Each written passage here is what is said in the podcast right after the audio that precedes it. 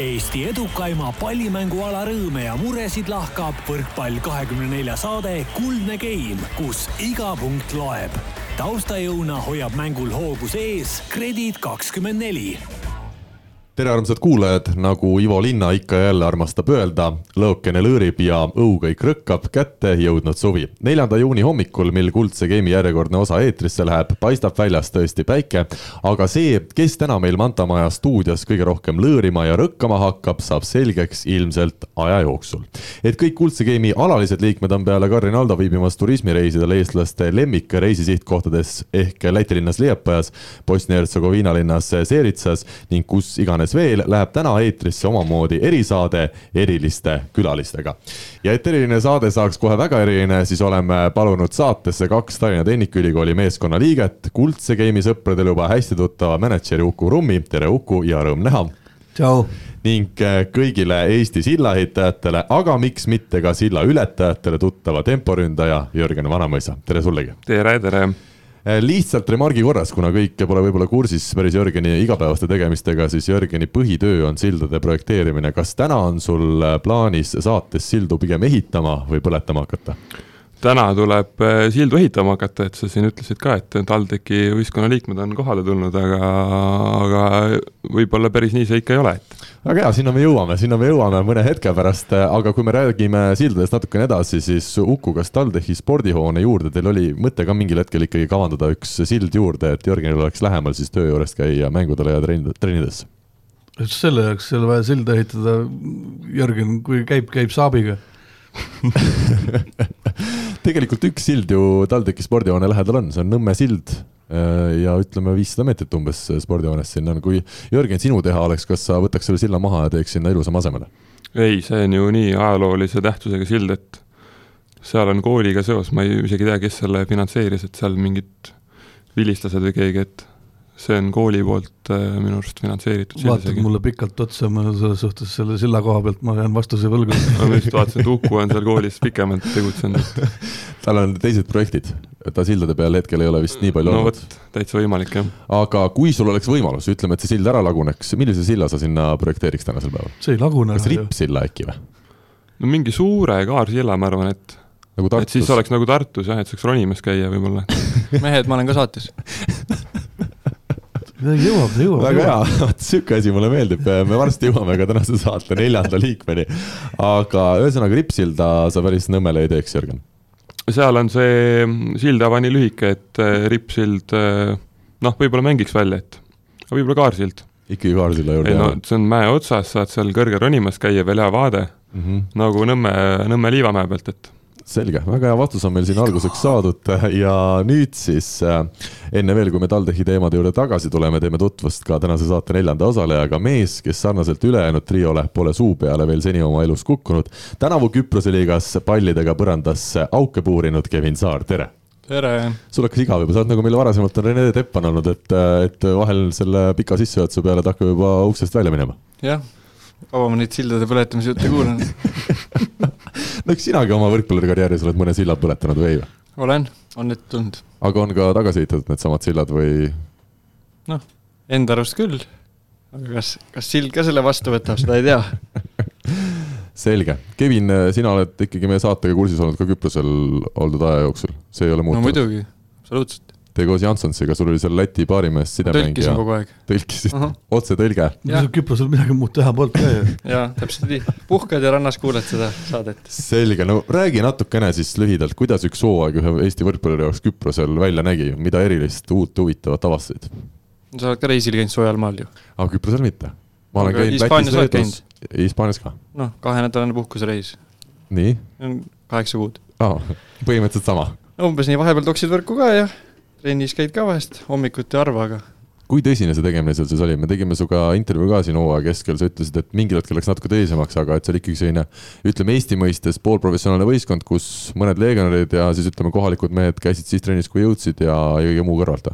no nii ongi umbes, et Tom, meil oli, kui oli vana treener nii-öelda, kelle, kellega hooaega alustasime, et tema ei suutnud, vana mees oli niisugune, peaaegu seitsmekümne aastane ja tema ei suutnud enda, kuidas ma ütlen siis, ei suutnud ennast kehtestada ja siis kohalikud poisid ei käinud üldse trennis, et tegime Jansonsiga seal hommikusi trenne, pallitrenne kahekesi. ja siis see seitsmekümne-aastane treener servis küünalt meile niimoodi, et siis me saime vastu võtta, Janson tõstis ja ma peksin neid palle. aga hiljem tuli kolmekümneaastane noor nii-öelda hakkaja treener tuli meile, see suutis ennast kohe kehtestada ja kadus see mokalaat ära. ja Isegi siis sinul? oli, ei no mina ikka rääkisin, ah, aga teistel? Võtsid rahulikult? ma arutasin treeneriga, teised kuulasid. ja, ja, ja siis eh, pärast seda nagu muutus asi paremaks, et siis oli hommikustes trennides ikka sihuke kuus-seitse inimest ja et äkitselt need muud tegevused ei olnud enam nii äh, koolis kadusid eksamid ära järsku siis, et sügisel. kuule, aga ütle päris ausalt, kui sul on selline hooaeg selja taga jäänud ja me teame, et sa eelmisel aastal olid Prantsusmaa esiliigas, kus tegutsemine ja tegemine oli väga tõsine. kas sa ise usud, et sa suutsid selle taseme, mis sul eelmine, eelmise aasta kevadel oli, säilitada? on see kehvemaks jäänud, oled sa suutnud individuaalset tööd teha ja hoopis paremaks minna, mis siis ütled? mingid laulu, laulusõnad on, et ta, tase on igavene või klass on igavene või on mingi klass on jääv, aga tase on igavene või? nii, vot, nii ongi. et sul on juba see klass käes, ma saan aru. jah, see jääbki siit üles ei lähe, alla ka ei lähe. aga nali naljaks, kuidas sa tegelikult Ei. tunned ennast? ma arvan, et tunnen ennast päris hästi, et selle Jansonsiga mul klappis väga hästi. see tähendab, et sa ikka pidid väga hästi paikama, sest siin me nägime Kuldliigas Janssonit ai, ma rääkisin temaga pärast seda. ta ütles, et ta ei tea, mis tal juhtus, et eh, tal oli kusjuures, ma ei tea, saladuskatel, ta lootis siin Pärnusse saada mängima, eks. ta ütles, noh, see rong sõitis nüüd ära vist, et eh, ta ikka pisis ennast täitsa täis, et ütles, et millegipärast see koondis lõi pähe talle ja ta ei suutnud vabalt mängida, tal on hästi tähtis see, et emotsiooni pealt ja vabalt mängib. küll ta sinna Pärnusse maandub ka. noh, aga mulle tema nagu stiil meeldis ja ta on hästi tugev, tugev mängija, et hüppelserv on väga tugev ja hästi palju teeb ise punkte, et seal oli mingi mäng oli niimoodi, ma mäletan, et ta oli meil peale mind, noh, loomulikult on ju, oli teine punktitooja meeskonnas, et kui ma tõin kakskümmend punkti, tal oli kümne punktiga järgmine. mm. -hmm. et kui sa ei viitsinud lööma minna, siis andsid talle esimese ülesse kohe? no umbes nii. tal ei olnud vaja, see palju selle kuue meetri peal ka, ta läks Ikka lööma. ja, ja, ja talle meeldis mängida, vaata selle Smitsiga koos, kui nad mängisid seal limbasis ka neid kombinatsioone ja mulle ka selline asi, selline mäng meeldib, et lööd neid meetreid selja tagant ja eest ja tagant ja kust iganes annab, et viie pealt ja ühe pealt ja.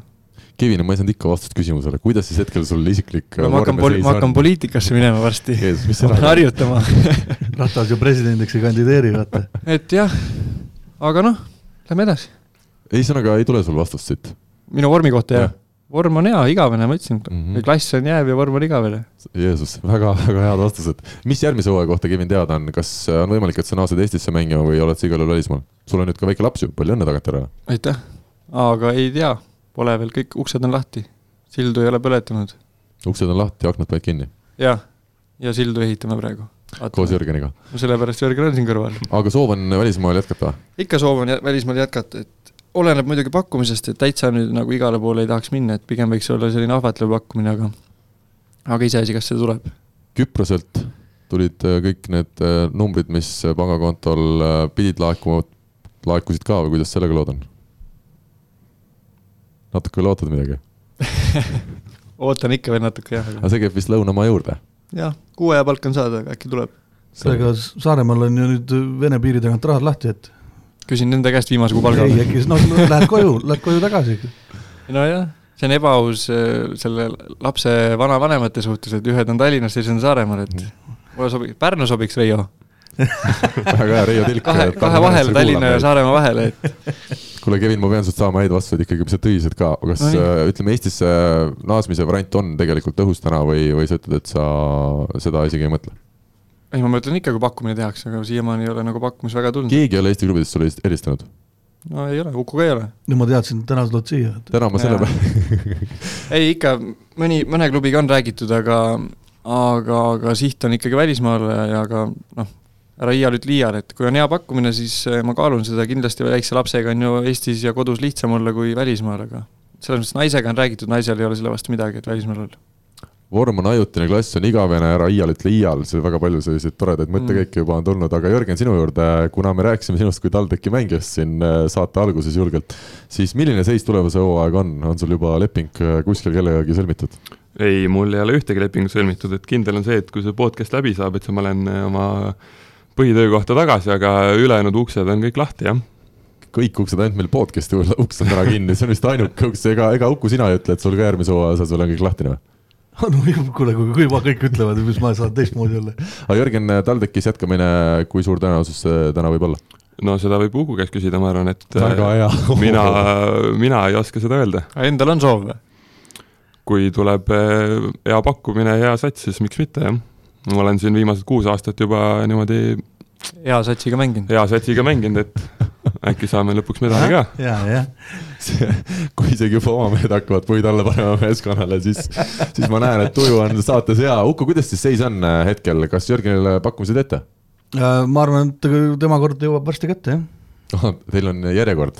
meil on. See on nagu vaktsineerimine. meil on paberi peal on järjekord jah, mitte nii-öelda tema positsiooni peale, aga nii-öelda meil on selline Ahah. järjestus. pikkus järgi, ühe me nii, teeme ja ma saan kõik, mis üle jääb, teistele jagatakse ära ja see, mis üle jääb, siis kuule, kas see on tegelikult võrkpallimaailmas ikkagi nii, et ega temporündajad äh, paratamatult ongi need mehed, kelle juurde tullakse äh, siis positsioonide kaupa suhteliselt viimastena?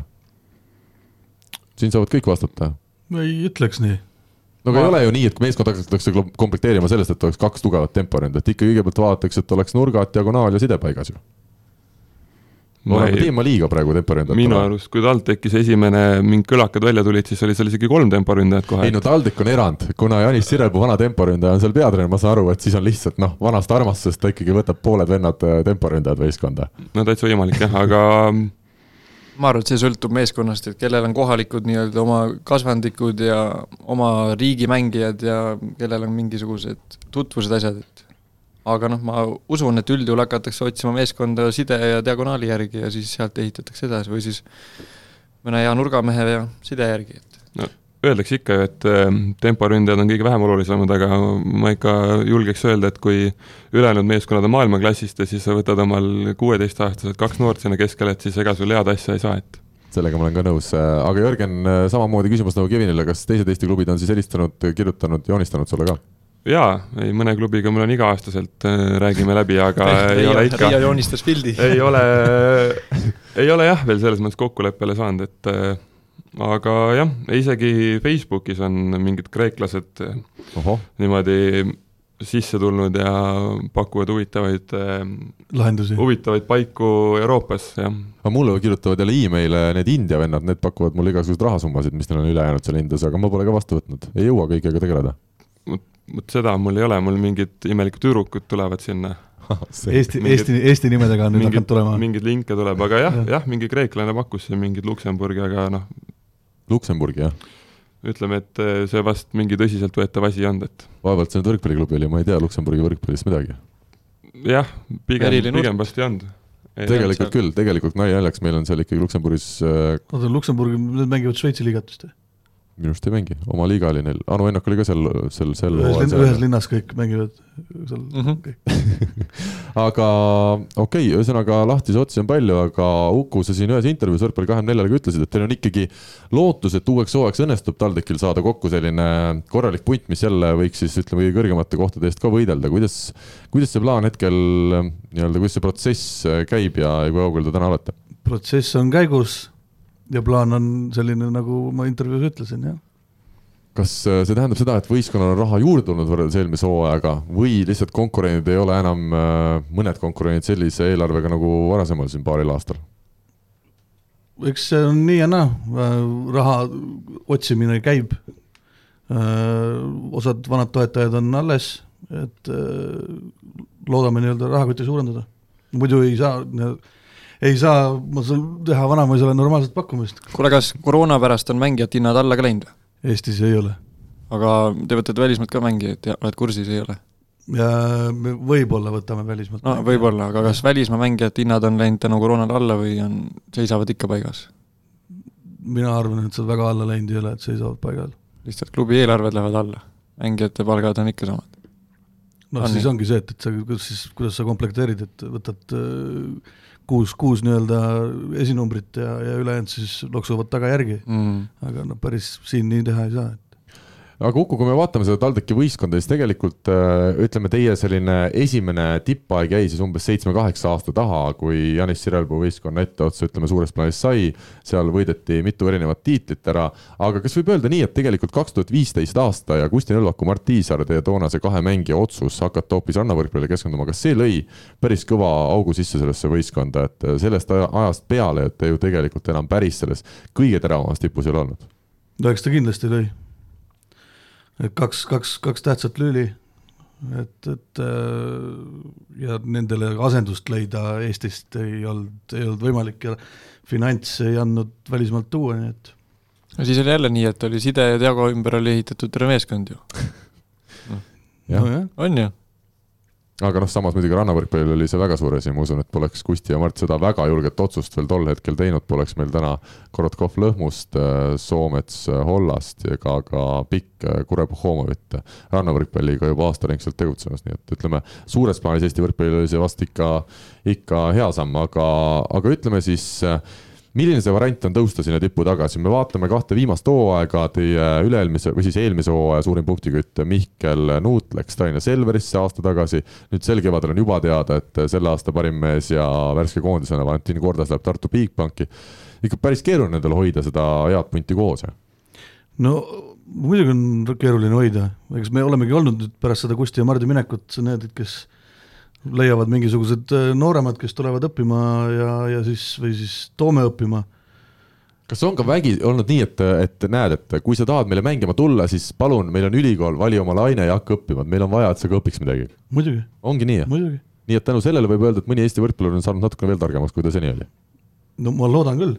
ühesõnaga, kui sa oled peast täitsa tumba-jumba, siis TTÜ võtab ikka vastu ei no gümnaasium päris nii, päris nii ei ole, et natuke on peas kõvem. sa pead ikkagi mingi, mingis, mingisuguse taseme välja võtma, et meil mm. nagu ei saa võtta ja panna üldse ülikooli, ülikoolil on ikkagi mingisugused, mingisugused mis eri, mis eriala sa Kevin Saarele paneks, ma kuulnud, et tal veel doktorikraadi kuskil käes ei ole. püstijala koomik.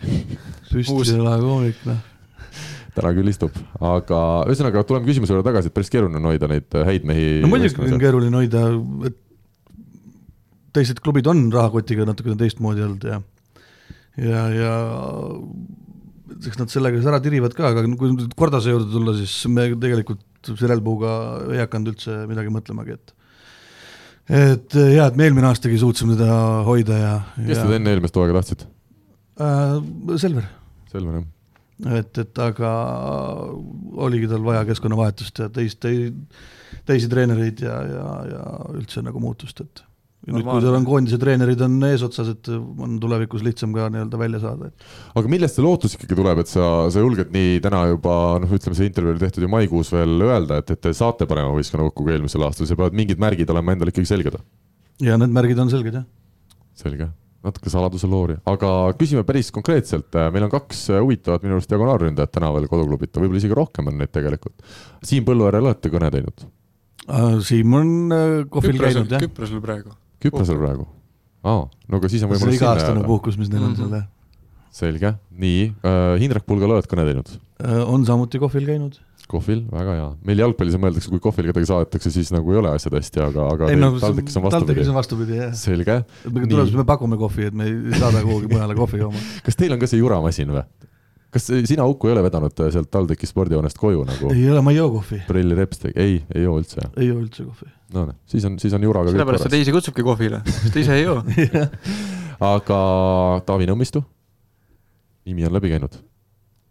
ei ole. ei ole, nii et kaks Eesti diagonaalründajat on need, keda te praegu otsite ja ütleme, ühe neist tahaks endale saada, suures plaanis. no on veel variante. on veel variante? jah. diagonaalründajad Eestis? jah. Uuskari Markus on või? Ahaa.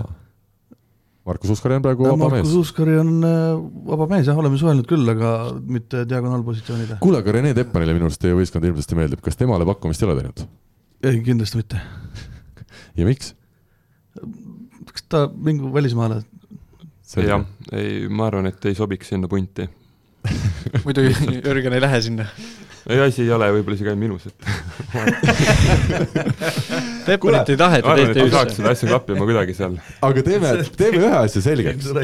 siin meie saates ka on ikkagi tulnud seda päris palju ette, et on võetud äh, see TalTechi võistkond ette ja on, on tehtud kriitikat või ütleme, aga samas, kas te olete nõus sellega, et kui selline saade on, siis natukene peabki mingeid niite kuskil tõmbama, et tekiks mingi huvi, mingi selline vastasseis klubide vahel, et ei ole nii, et kõik võistkonnad on ülisõbralikud omavahel, alati enne mängu löövad patsu, pärast mängu ükskõik kumb võidab, on sõbralikud, kallistavad, musitavad seal, et peabki natukene selles spordis niisugust äh, pinget õhus olema.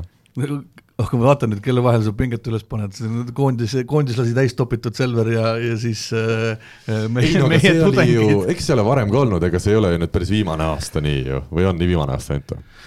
ei no eks, eks me oleme hambus olnud kogu aeg siin jah.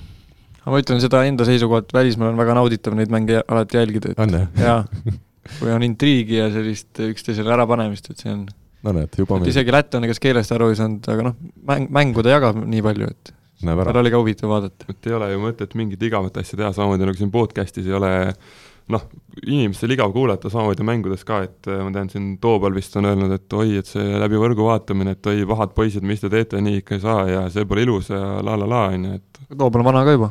jah, võib-olla nagu tahaks, ta tahab kuidagi lihtsamini läbi saada, et minu arust Epp on ka just kõige nagu rahulikum mees ei ole ja, ja TTÜ-s oli kunagi Kusti Nõlvak, noh, väga niisugused ekstreemsed näited, võib-olla Rick Beck Tartust ja Keit Pupart, no, Et, äh, Keit, no Pupart- Keit on omaette, omaette tase selles suhtes, et ta esines kõvasti, aga aga ta mängis ka korralikult. just, just, just. Siis on eriload. nojah, vanasti sa tõid Kusti välja, et noh, Kusti mängis ka hästi ju. Kusti mängis hästi ja, ja karikafinaal, mis meil oli Kuressaare spordijoones, noh, vastas olid kaks arbuusimüüjat, oli mm. -hmm. oli Teppan ja Täht olid, et noh, et siis ei olnud, siis ei olnud kellelgi probleemi. mm. -hmm. ja oligi, oligi hea mõnus show'd vaadata no aga siis ei olnud kedagi, minu arust siis tol hetkel, ma nüüd tol hetkel olin suhteliselt noor veel ajakirjanikuna, aga ei olnud ka sellist äh, iganädalast arutelu Eesti võrkpalli teemadele ja sihukest asja ei toimunud, mitte kuskil, seda Ei räägiti kuskil riietusruumis mingi Rahvaliiga puntide trennide järel, aga ei olnud sellist avalikku arutelu üldse, kus võiks tekkida mingit sellist, sellist ütleme, sõnavahetus või mõttekäiku iganädalast.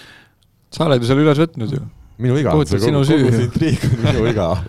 ei no see, et seesama seal läbi võrgu igasugused asjad, noh, meil on seal igasuguseid intsidente juhtunud, seesama, kui oli Daniel Matsiel tuli esimene hooaeg, esimest aastat siia, et me kas päris pikalt olime seal võiduseeria peal, et et siis hakati juba kirju kirjutama, et äh, kuidas on võimalik, et äh, lastakse niimoodi nii-öelda läbi võrgu seal Marcel siis ise või? ei, ei, ei, ei, see on teised tegelased, et kuidas TalTechis on, lubatakse niisugust asja mm, -hmm. Et treeneripink laseb ka seda teha. mõtlesin, et no, lasemegi teha no aga me laseme sellepärast teha, et, et et kui sa oled peast nõrk, siis sorry, noh, see on mängu osa. ja meeskond on ju võidu peal väljas, et kui see aitab võita nüüd ja vastasmängija nii-öelda psüühika ära murda, siis minu arust see on ja ainuke selle õige jaoks on, asi. selle jaoks on kohtunikud. Et kui kohtunik ütlebki, ta kutsub enne sinu juurde, et ära nii tee, siis, siis on meie poolt on ka, kõik aitab. et aga, aga noh, see ongi see, et, et kui sa oled peast vähe natuke pehmem, siis ei ole midagi teha, noh. minu arust on selles suhtes ka võrkpall on väga eriline mäng, et äh, justkui kossumehed äh, ikkagi tihti viskavad nalja vähemalt, et oo, et mis naiste mäng see on, et teil ju kehakontakti ei ole. aga minu arust võrkpall ongi seda erilisem mäng, et proovi sa saada nii vastasvõistkonna pähe, et sa talle vastu kuidagi ei lähe. korvpallis on lihtne, hakka teist kuidagi togima, küünarnukiga lükkama, näpistama, isegi meil on mehi, kes on näpistanud kõvasti vastasmängijaid, aga võrkpallis sa pead tegema seda kuidagi natuke kavalamalt või teistmoodi. ma ei, seda noh, jaa, aga ma seda nii-öelda, mis see äh, pupart, noh, seda, seda ma, seda ma, seda tsirkust ma ka ei poolda. et see on natukene üle võlli. et, et äh, No aga vaadata, igasuguseid mul ei teile ole selle vastu mitte midagi, et see on, ma arvan, et publikule, kes, kui seal on kaheksasada inimest saalis, elavad kaasa või tuhat inimest seal Saaremaal, Ei, no siis see on eh, ma usun, et need, kes seda õlut seal joovad ja nendele, nemad seda tahavadki just näha, et eh, on pupart, kes selliseid asju teeb. aga no nüüd on natuke juba läinud jutuks see, et, nii-öelda see silmside ja otsa vaatamine, no kui ta, mis selles suhtes, kui ma mingisugust žesti ei tee või ei, seal neid inetusi näitama ei hakka, ja kerge silmside, see käib asjaga kaasas mm, -hmm. ongi, kunagi oligi nii, et, et äh, me noh, kaudselt öeldes ütlesimegi, et davai, valige endale mees välja ja hakka, hakka peedistama, ja on ju. hakkad, hakkad nii-öelda kerget silmsidet otsima ja see, ja nii-öelda lätlaste vastu, see toimis väga hästi. oota, aga see, me peame silmas, ütleme siis äh, mitte ainult seda hetke, kus sa lööd palli maha või, vaid ütleme ka sellised hetked, kus sa ootad võib-olla servi, vaatad seal just. ja võrgu all saab ju ikka rääkida, võrgu all saab ikka rääkida ka vaikselt ju sidemängijaga Lihtsalt- sa panid läti keeles juba enne, kui Antselsega tuttavaks said. lihtsalt see nagu jääb silma, et kui sa paned selle ploki ette või lööd palli maha, et, et siis sa nagu seisad seal. aga tegelikult on see silmside otsimine mm. nii-öelda mängu, mängu osa, noh. ei no sellega ma olen sada protsenti nõus, kui sa servi ajal vaatad mängijale, vastasmängijale otsa, olles ise siis seal ütleme võrgu all äh, nii-öelda plokimängijana. no Jeesusega me ei saa nüüd päriselt otsa ei tohi üldse vaadata, et ega kurat, kena tüdruk tuleb tänaval vastu ka, vaatad otsa, kuigi võib-olla pole sinu oma, eks ole. Ei nüüd vaata sa läksid üle piiri, praegu on väga ohtlik teema. seda ei tohi küll teha jah, seda küll, jah. Sinna ei lähe Aga- aga- ei lubata. mis ma veel nägin ja see nagu silma jäi, oli see Sauli Sinkoneni ja Mark Saru vaheline selline Jaa. mõõduv, et, et jälle väga nauditav ja jäi, jäi nagu kohe sellest hooajast meelde, et et need kaks meest mürasid omavahel. mürasid lausa, no ütleme jah, selline No, äh, võrk oli vahel, aga vaimne müra, mine. täpselt Väga hea. nii. aga kus see piir siis ikkagi jookseb? pärast pallivahetuse lõppu nõirgad seal, vaatad teisele poole mängijale, kellele sa ütleme näiteks punkti või ploki panid otsa, kas see päris on lubatud, ei ole, kus see piir jookseb? ma arvan, see piir jookseb äh, olenevalt mängust, olenevalt kohtunikust, et äh, vahepeal, vahepeal oldakse karmid, vahepeal ei öelda üldse midagi ja noh, ma tegelikult julgen öelda, et kui tavaline inimene vaatab ülekannet, siis tegelikult ta seda ei märkagi. ei märka, muidugi. et äh, see, mis vastaste pink märkab ainult seda. seal, jah, et need üks, üksikud sekundid, mis seal nagu konkreetne situatsioon kestab, et tavainimene tegelikult seda ei märkagi. Mm. et noh, kui sa võib-olla saalis oled, siis hakkab silma, aga noh, tegelikult ju ei ole hullu midagi, ma julgeks öelda, et see on, see on mängu osa lihtsalt. mind eemaldati see hooaeg esimest korda mängust, kunagi varem ei ole niisugust asja juhtunud, aga sain sellepärast eemalduse, et äh, vastaste siis äh, rünnaku liider Diagonaal lõi mulle ühesesse plokki ja ma ei teinud ühtegi sõna, vaid vaatasin talle otsa, jäingi nii nagu maandusin, nii jäin seisma ja vaatasin talle otsa, suu täiesti kinni. Ja siis see tumedanahaline läks sellepärast nii keema ja otsustas meie väljaku poole peale tulla ja siis tulid teised mängijad vahele ja kohtunik siis reageeris sellele niimoodi, et andis mõlemad siis mind ja teda eemaldati mängust ja siis viie, terve neljanda game'i istusime pingi peal, ei lubatud sooja teha ega mitte midagi. põlved hakkasid jubedalt valutama, noh vaata jahtud maha, eks. ja siis enne viiendat game'i lubati teha kolm minutit või paar minutit soojendust ja siis äh, viiendasse läksime viiendat game'i mängima. pidite istuma kuskil lihtsalt? nurgas? väljaku, Karistus- välja, karistus- karistus Aa, pingi jaa. peal, jah. et, et, et ja siis viiendasse game'i saime uuesti mõlemad sisse tulla, aga see, mis mind sinu selle hetke jutu juures kõige rohkem üllatas, oli tegelikult see, et see oli sul alles esimene kord, kui sa said punase kaardi. no, ma, tavaliselt ma korjasin kollaseid kogu aeg. kollased tõmbasid jah? selge, punase No, peale ei olnud läinud. ma ja-, ma jagan ka seda kogemust. kas sa oled ka seal istunud siis seal nurgas jaa, olen, ka soojasid olen teha. istunud, jah Le,. Leedus naiskonnaga. jah. kuidas oli, kust oli parem vaadata, kas sealt äh, peatreeneri kõrvalt või sealt äh, nurgast, kus see see hetk ma ei mõtelnud selle peale, lihtsalt ütlesin natukene roppusid sõnu ma ei ütelnud, aga äh, õppisid kohtu, leedu keelt? kohtuniku tööga rahul ei olnud, selge et selge. no sinul on üldse see, ma tean, teine kohtunik, teine, vabandust, treener peab ju tegelikult võrkpallis istuma, ta ei tohi üldse tõusta. aga kuidas ta game'i vahel, kas siis peaks ka peatreener tõstma ta tooliga üles ja viima sinna teisele poole või selle aja sa võid tõusta püsti ja liikuda kiiresti sinna teise, istuda seal maha no vaevalt mind keegi jaksab viia kuhugi, aga rattad võiks all olla toolil ju. aga ühesõnaga ainult game'i vahel sa võid tõusta või time-out'i ajal ka, eks ole? time-out'i ajal ka, jah. aga sina teed muidugi igal hetkel tõused, kui vähegi tuju tuleb. jah, teinekord ei ole nii-öelda pärast tagasi istudes tooligi all, et nii kiiresti püsti on kui palju kui palju sa räägid teise treenerina seal game'i vahepeal või time-out'i ajal või pe- peamiselt räägib ikkagi Sirelpuu? peamiselt Sirelpuu, ma ikka vahepeal väga väga paha on, siis ma ikka kõik räägivad vähe selles mõttes. kõik räägivad No te ei- vähe kõik räägi. räägivad vähe, et mm.. kui on midagi rääkida, siis räägime, vahepeal on niimoodi, et üldse ei räägita, et Mm. vaatame lihtsalt otsa üksteisele, mõtleme, et ja mis Aga te mõtlete siis? oleneb siit, ole, mõtleme, et millal aeg läbi saab, tahaks tagasi minna või siis mis õhtul. aga ei, nali naljaks nali naljaks jah, et äh, ise tahad lepingut saada? mängu ajal mõtled, mis õhtul teha. eks ikka, vahepeal räägib Uku, vahepeal Sirelpuu. kuule, ei, mina ütlen, Jörgen on selles suhtes väga äge vend, mina ka sel hooajal olen märganud, kuidas Jörgen on klubi esindanud just nagu ütleme meedia poole peal ja väga ägedalt on seda teinud, et alati, kui Jörgen midagi on öelnud, ma olen alati pannud küll video käima või kuulanud mingist raadiovärki, et ma tean, et seal on nagu huvitav, ma ütlen, käisite ükskord minu arust mingis raadios, mis tuleb, My Hits või? jah, My Hits jah, meil koostööpartner ja. mina, muidu ma harjunud, et Uku räägib kõik eetri täis, aga seal oli minu arust Jörgen tõmbas selle sae nagu käima ja, ja ei saanudki vahepeal Uku nagu ka puidu ma ei proovinud, ma ei proovinud, ma ei proovinud. ja toimis, ja ma toimis. teadsin, et kui, kui sealt noh, väga harva suu lahti tuleb, aga tuleb, tuleb kulda. ja see on seesama asi, et äh, ma jätkuvalt äh, ütlen, et, et võrkpalli huvitavaks teha Eestis, meil on vaja selliseid inimesi, kes räägivad huvitavalt, see, et keegi ütleb, et me võitsime täna kolm-null ja meil oli see servi vastuvõtt hea, see noh, see ei vii meid nagu suurde pilti, et meil on vaja selliseid natuke huvitavamaid teemasid ja karaktereid. jah. aga läheme edasi, Janis Sirelpuu, ta on ju tänaseks meil meistriliigas tegutsevatest treeneritest kõige kauem ühe võistkonna juures olnud, kaks tuhat, mis ta tuli, kolmteist või? kolmteist.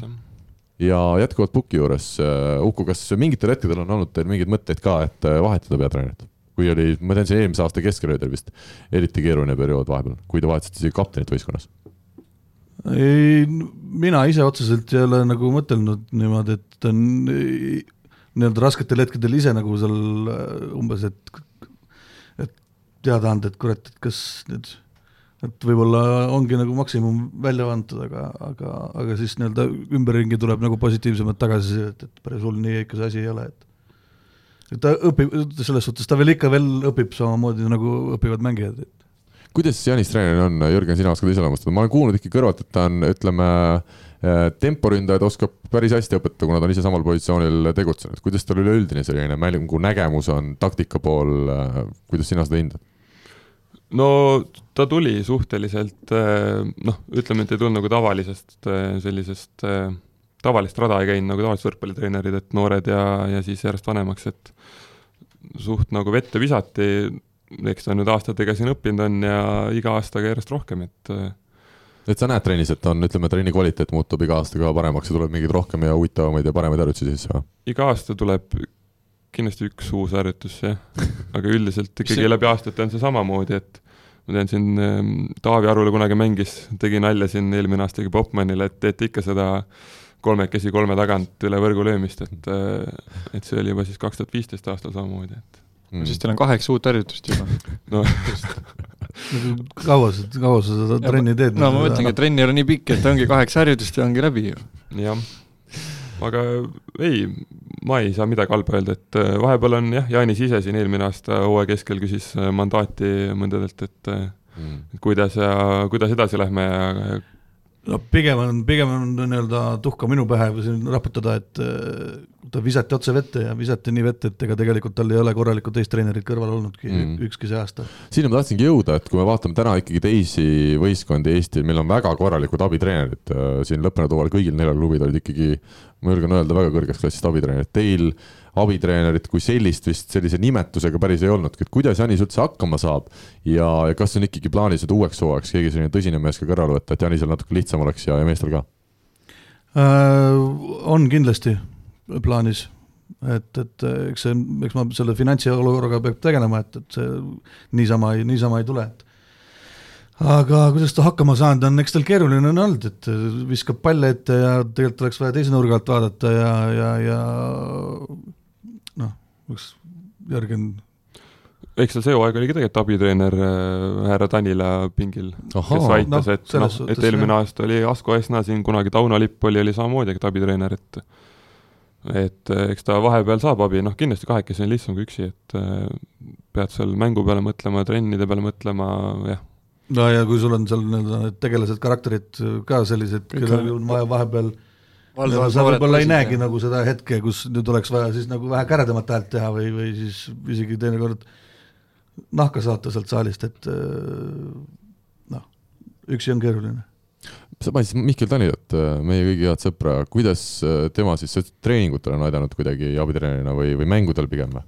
No tul tuli samamoodi ju kogenenud mehena, et mängudel ta istus minu arust enamasti seal peatreeneri kõrval, Mm, sellepärast teda väga ei pannudki äh, Janis väljakule jah, et saaks. see ei olnud, see ei olnud see põhjus, see ei olnud saaks see põhjus. arutada. et äkki oli jah, seal rohkem abi kui platsi peal, ei tea, ei tea seda jah, aga ei no kindlasti on abi mm.. et ja no kui sa üksi oled, siis sa peadki otsima selliseid mehi, kes sind nagu aitaks kõrvalt, et Mm. selge, no mis meil siis tänasega veel teada on TalTechi kohta, paneme paika, Sirel Poet ka peatreenerina, Kris-Karis Lepp on äh, libero, Sten Pierillus on temporündaja, kellega on siis käed löödud. lisaks on, ma saan aru, Mihkel Tanila jätkamas, Remo Torn jätkamas, Jan-Markus Üprus jätkamas ja Martti Keero olete toonud nüüd Pärnu võrkpalliklubist juurde, kas on vahepeal siin nädalatega ka midagi uudist tulnud? Tanilaga meil on veel lõplikult asjad paika No. panemata. selge, no kas ta on olge, olge, või olge, olge, temporündaja? olge, olgem täpsemad ja Kaur-Erik Kais on siis tulemas ka ja Rasmus Meius ja. Rasmus Meius. oota, kas sa seda nimetasid, seda Eermad? Aleksander Eermaa kohta ma saan ka ei lahti ole, ei ole veel kokkuleppele jõudnud, et äh, oleme pakkumise teinud, ootame, mis ta, mis ta meile vastab. kas ta, kas sellepärast on see veninud, et äh, Martti Keel on ees ja siin on nüüd küsimus, kellest saab üldse esimene sidemängija ja nii edasi või on seal mingid muud teemad üleval, tal on keegi teine ma arvan, et, et seal on äh, kosilasi veel, mm.. aga me iseenesest ikkagi loodaks, et ta jätkaks meil, et see oleks ta huvitav, huvitav treeningpaar nii-öelda. tükk aega on ta ju olnud nii, et kas on istunud seal äh, rongi tagaotsas ja etteotsa pole jõudnud või siis on ise seal eesotsas ja tagant ei ole sealt keegi järele tulnud, et minu arust tegelikult ei ole väga vahet, sest see rong ju lõpuks jõuab sinna peatusesse niikuinii ja sa lähed lihtsalt maha siis ei noh oleneb, kui kvaliteetselt see rong liigub, et seda küll jah, võib-olla eespool on vähe uhkemad vagunid. Sa oled selline Või- rongi, rongimees, mina, ma olen uue no aasta vaata, kus inimene. kohas me praegu seda saadet teeme. nii, nii, rongijaama lähedal no täpselt, noh. mm. -hmm. ma tulin ikka autoga, ma ei teadnud Uku, et sa käid rongiga või? ei, kas ma, ma ei ole ütelnud, ma rongiga tulin. selge, aga naistevõistkonnas ka TalTech Tradehouse siis äh, sel hooajal võitis kõik kolm tiitlit, palju õnne teile ka, lõpuks Mhm, tuli see kauaoodatud Eesti meistritiitel, kapten Mari Loormann, kes klubi algusajast äh, oli siis pundis olnud selle tiitli võidu jõudis ära oodata. lõpuks. milline see hooaeg teil endil oli, me teame, et see võistkond ju pandi kokku teistmoodi kui sel eelmistel aastatel, ehk siis ta oli selline koondise baasvõistkond, ehk siis oodatigi neid tiitleid, samas kas äh, ikkagi klubijuhina oli ka natukene mõnusam seda hooaega lõpetada, kui esimest korda kõik tiitlid sai koju toodud? mõnusam oli ta kindlasti lõpetada, kui sa kolme tiitliga lõpetad selle hooaja, et aga jah, plaanid olid teised. Kahjuks meil siin see nii-öelda ülemaailmne asi pani sellele kriipsu peale ja tuli hakkama saada sellega, mis oli, et ja, ja ma arvan, et ei, väga kehvasti Marko nende tüdrukutega hakkama ei saanud ja, ja tüdrukud ise ka Markoga, et aga mis edasi, eks seda paistab kas naised said stipendiumi ka või palka või? midagi? äh, midagi selge, ma arvan, et teistes Eesti klubides vist ei saanud, saa keegi, on ju? Naiste Ei ole küll mitte, kursis jah. pigem mitte. pigem mitte. pigem mitte. aga ja mis tuleval aastal, kes või kuidas või mis, et sinna annab äh, aeg arutust, et aga kes ühesõnaga tahab midagi, lõpetada, kes välismaale, kes äh, mis iganes, naistega on natukene teistmoodi need asjad, et mm.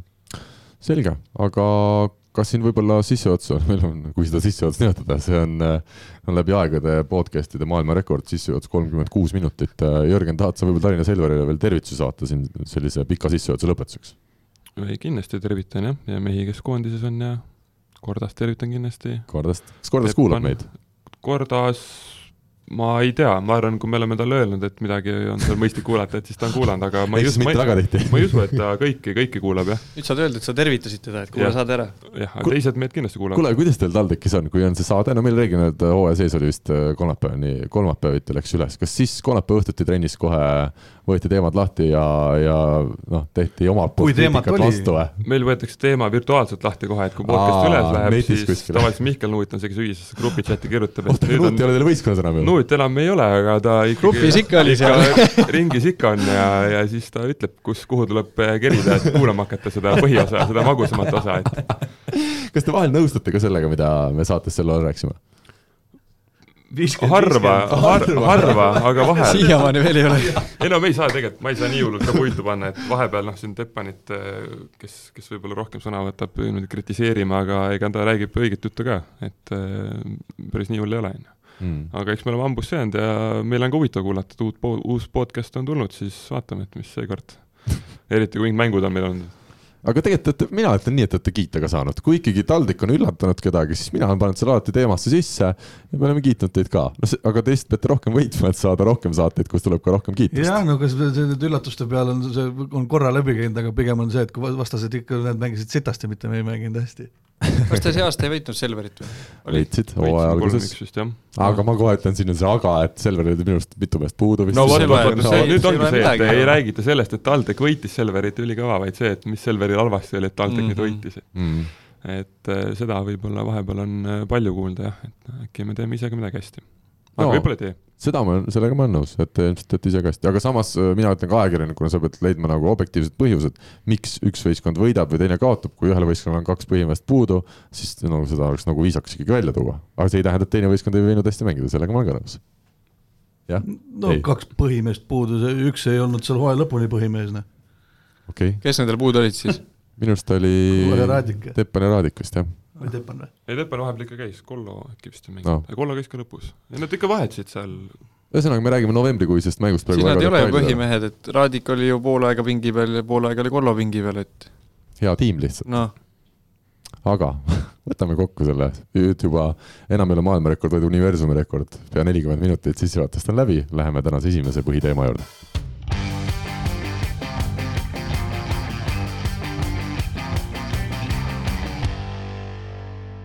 Enne kui me hakkame rääkima Eesti rahvusmeeskonnast ja Euroopa Kuldliiga mängudest, räägime lühidalt Saaremaa võrkpalliklubist. tegin siin eelmisel nädalal loo klubi peatoetaja Ivar Aldiga, kes jättis muide väga vahva mulje, selline võrkpallientusiast. tundub, et ta tõesti tahab seda Saaremaa võrkpalliklubi asja kindlasti edasi ajada. ja kuigi ta ka ise tunnistas, et ega ta sellest klubi juhtimisest veel väga palju ei tea, siis vähemalt annab endast parima ja, ja jutt oli küll nüüd väga optimistlik. ma päris päris ju asjadega kursis ei ole, kas, kas tõesti seisud on nii head, nagu Alt ise avaldas lootust, aga eks see selgub siin lähiajal. klubi mänedžer Hannes Sepp ütles, et tema jagab hea meelega kommentaare siis, kui taevas Saaremaa võrkpalliklubi kohal on pilvitu, ehk selle hooaja, ütleme, viimased võlad saab ka klaaritud ja ütleme, uue hooaja osas siis ka midagi natukene ametlikumat on kindlat, aga aga lahtisotsi on hetkel siis veel palju, üks asi, mis ikkagi mõlema mehe hääletoonist läbi kõlas, oli see, et ega Saaremaa võrkpalliklubi kuhugi nagu kadumas ei ole, et järgmisel hooajal on nad mängimas, aga et mil moel, kellega, kuidas, millised on need toetajate asjad, et see kõik on vist veel väga lahtine. ja üks märk, mis näitab, et nad ikkagi kindlasti plaanivad edasi tegutseda, on see, et nad registreerisid ennast ka eurosarja. kuidas teile nüüd see olukord tundub, Uku, sina ka tegemistega seotus, klubi tegemistega seotud igapäevaselt siis TalTechis, kuidas sulle see asjaajamine tundub? ma pean päriselt pean vastama nagu no ikka päris, meil on päris saade, päris küsimused ja päris vastused. ei noh, neid viimaseid artikleid lugedes, siis ma algul mõtlesin, et on need rohke debelaku mingisugused libauudised libauudised, aga noh, loodame, et nad jätkavad jah, et kas, kas tõesõna, sina konkureeriva klubi ütleme mänedžerina loodad, et Saaremaa jätkab, et see on ikkagi üldine nagu huvi Eesti muidugi kui Saaremaa või üks klubi ära kukub veel Eestis, et Minu siis see on väga õnnetu, mis, mis sellest meistriliigast üldse saab siis? ei, igal juhul, igal juhul las nad jätkavad või noh, ma loodan, et nad jätkavad mm. -hmm. ja, ja vahet ei ole, kui nad toovad siia neid kari välismaalasi, et äh, Raineriga siin mingi aeg, kui nad tegid trenni meie juures nagu naistekoondisega, siis Rainer ütles jumala õige lause, jah. -hmm on veel mõni no meil on saatekuulajad, ma just hukku ütlen ka mõned inimesed veel, kes võib-olla noh, päris eesnimedega kõiki Eesti ah, võrkpalliinimesi ei kutsu. aga neid on vähe äh, et ta ütles õige lause, et vast las nad toovad need välismaalased, et sellega nad treenivad meie mehi, et äh, täpselt nii ongi mm. aga, aga jah, mismoodi see nüüd siis nagu seal need on need kommentaarid või need jutud, et kuidas siis nagu, siis nagu toimetatakse, jah, jah. ma tahtsingi tegelikult Uku käest seda küsida, et äkki sa tead, see, et sa registreerid ennast sinna Euroliigasse ära, kas see juba tähendab seda, et sa pead maksma ka mingisugust raha või nii, või see on lihtsalt, et registreerid ära mm, -mm ja pärast sa ütled, et ikkagi meeskonda välja ei pane, me ei, ei mängi see aasta ja ongi nii. tead, Eestis on meil lahtine seegi, et Eestil on järgmiseks hooajaks, ma siin Võrkpalliliiduga lihtsalt olin, olin äh, suhtluses, äh, kaks kohta uueks hooajaks. Äh, eurosarja cool üks on meistrite liigas, mille võitis siis Tartu. Äh, meister Tartu Bigbank endale ja nüüd on meil ametlikult üks koht siis CEF Challenge Cupis tugevuselt kolmandas eurosarjas. aga võrkpalliliidust öeldi ka, et nii Pärnu kui Saaremaa on registreerinud sinna, avaldanud huvi seal mängida, aga reeglina võetakse sinna kõik vastu, et ametlikult on meil eurosarjades kokku tänavu kaks kohta, aga kuna seal CEF Challenge Cupis on selline suhteliselt äh, avatud süsteem, seal ei ole kindlat klubide arvu, siis reeglina on kõik klubid, kes on tahtnud ka, on peale lastud. ja seal mingit siis sellist registreerimistasu või käsi, käsiraha nii-öelda seda ei kokku võib-olla öelda. kurat, me mängisime nii ammu seda. see oli kuuekümne kaheksandal aastal, kui te eurosarjas viimati TalTechiga mängisite mm. -hmm. see ei olnud siis TalTechiga, ei olnud ka mind. lihtsalt ma enda jutuga tahtsin sinna jõuda, et äkki see on nii, et sa ei peagi nagu mingit äh, nii-öelda raha sinna veel alla panema, et sa registreerid ennast ära, teed mingi eelregistreeringu, eks. Ja siis sul on võib-olla. no kulu ongi, kõige suurem kulu ongi lihtsalt see, et, et sa korraldad selle mängu ja sa lähed sinna, et et mm. registreerida võivad kõik sinna, aga kas sa jätkad ja see ei nagu ei, võib-olla ei ole nagu vettpidav nüüd asi, et me, ole, et me registreerisime ennast ära, järelikult nad mängivad see hooaeg, et meil oli ka tegelikult, see ei anna mingit kindlust. et no. igaüks võib registreerida, me selle Rahvaliiga pundiga retro võrkpalliklubi ka, noh, meil oli, meil oli laua peal see, et kas me registreerime eurosarja või ei, aga me mõtlesime, et kui me oleks läinud siis neljandasse eurosarja, aga tuli Indiaka, välja, et seda neljandat ei mängita. ei, Indiakas meil üldse head, no võrkpallis ka mitte, aga, aga Indiakas ei ole vist eurosarjugi veel loodud, et ootame seda huviga seda siis meie klubi. nii palju infot Rahvaliigast, Rene oleks praegu juba saatest ära läinud, aga, aga ta täna ei tulnudki, kuna ta on äh, Liepajas. kuna ta teadis, et Rahvaliigast tuleb juttu ta teab, et see tuleb iga kord, aga, aga jätkuvalt. kui Rene lõpuks karjääri, pärast karjääri lõppu võib-olla hakkab Rahvaliigas mängima, ma arvan, et ta hakkab hindama. ta arvab, ma arvan, me siis teeks eraldi kohe rubriigi Rahvaliiga ja Rene kohe pikalt räägiks, sest tegelikult see toimub kohati palju rohkem, kui seal meistriliigas kunagi ei tea, kes kohal on, kas kohtunik üldse tuleb, kas on treenerid vastasvõistkonnal, kas on üldse saali, vahel on nii, et aa, meil on saal kinni hoopis, teeme järgmine nädal äkki. väga palju huvitavat, palju uudiseid on alati. no vot, ei tasu võib-olla Rahvaliiga kohta niisugust nalja ka teha, et ma arvan, seal on äh, asjaarmastajaid ja fänne enamus, kes seda võrkpalli jälgivad, et kui siin pidevalt nalja tehakse nende üle, siis võib-olla äkki praegu kaob lasid ära. omale varbasse. et äh, Jaa. pole Rahvaliigal viga midagi, et ei, ma räägingi, et ei ole.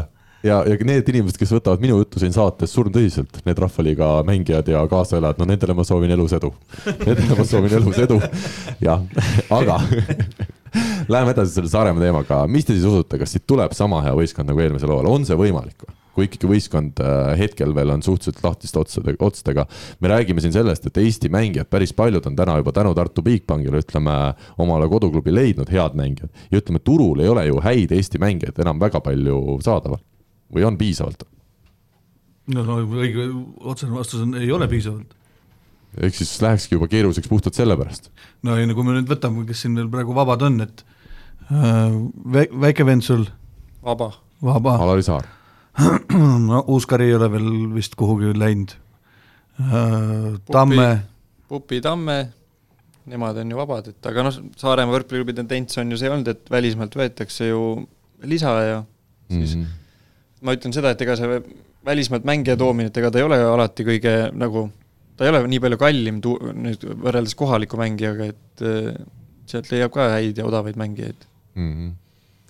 selge, selge. aga vastus su küsimusele, mina arvan, et nad saavad ikka norm-, normaalse meeskonna kokku, et tundub, et Saaremaa meeskond, Saaremaa ei ole nagu selline, et, et me läheme lihtsalt mängima, et nad ikkagi üritavad, kui nad mängivad, siis nad mängivad täiega ja pigistavad seda raha kuskilt, et kuule, kuidas teie sellesse suhtute?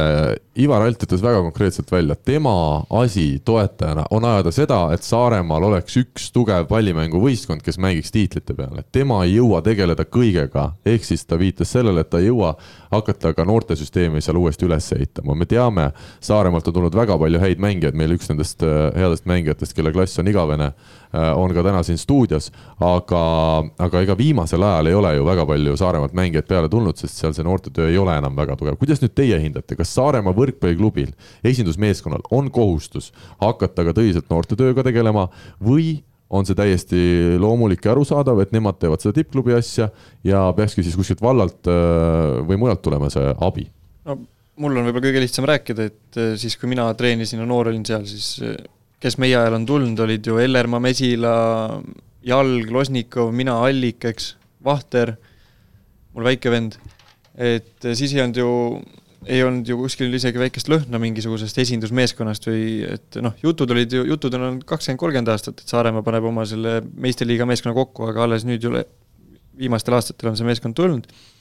Aga kuidagi ju me ju tekkisime samamoodi Pupart ja Pulk ja Tammemad ja nad on ju tulnud, et eh, loetelu loetelu on maru pikk enne, enne muist Tanila ja, ja ei jõuagi neid ette lugeda, et ma, ma ikkagi arvan seda, et, et see ei pea alati käsikäes käima, et see esindusmeeskond peab nüüd vastutama, et selle noortetöö eest, et võib-olla on lihtsalt vaja korralik noortetreener sinna tuua ja et noh, me valdavalt tulime Toomas Jasmini käe alt, et tu- tundub, et Toomasel see noortetöö nagu on väga hea ja, ja nii kui ta Pärnusse läks, hakkas Pärnust tulema neid noori peale, et ma arvan ja soovitan, et ikkagi Saaremaa võrkpall, ma ei tea, alaliit või mis asi see on, Saaremaa mingi, kes võrkpalliga seal tegeleb, et eh, otsigu endale korralik treener, kui ei, nendel ei aga ole. kelle asi see on siis kokkuvõttes?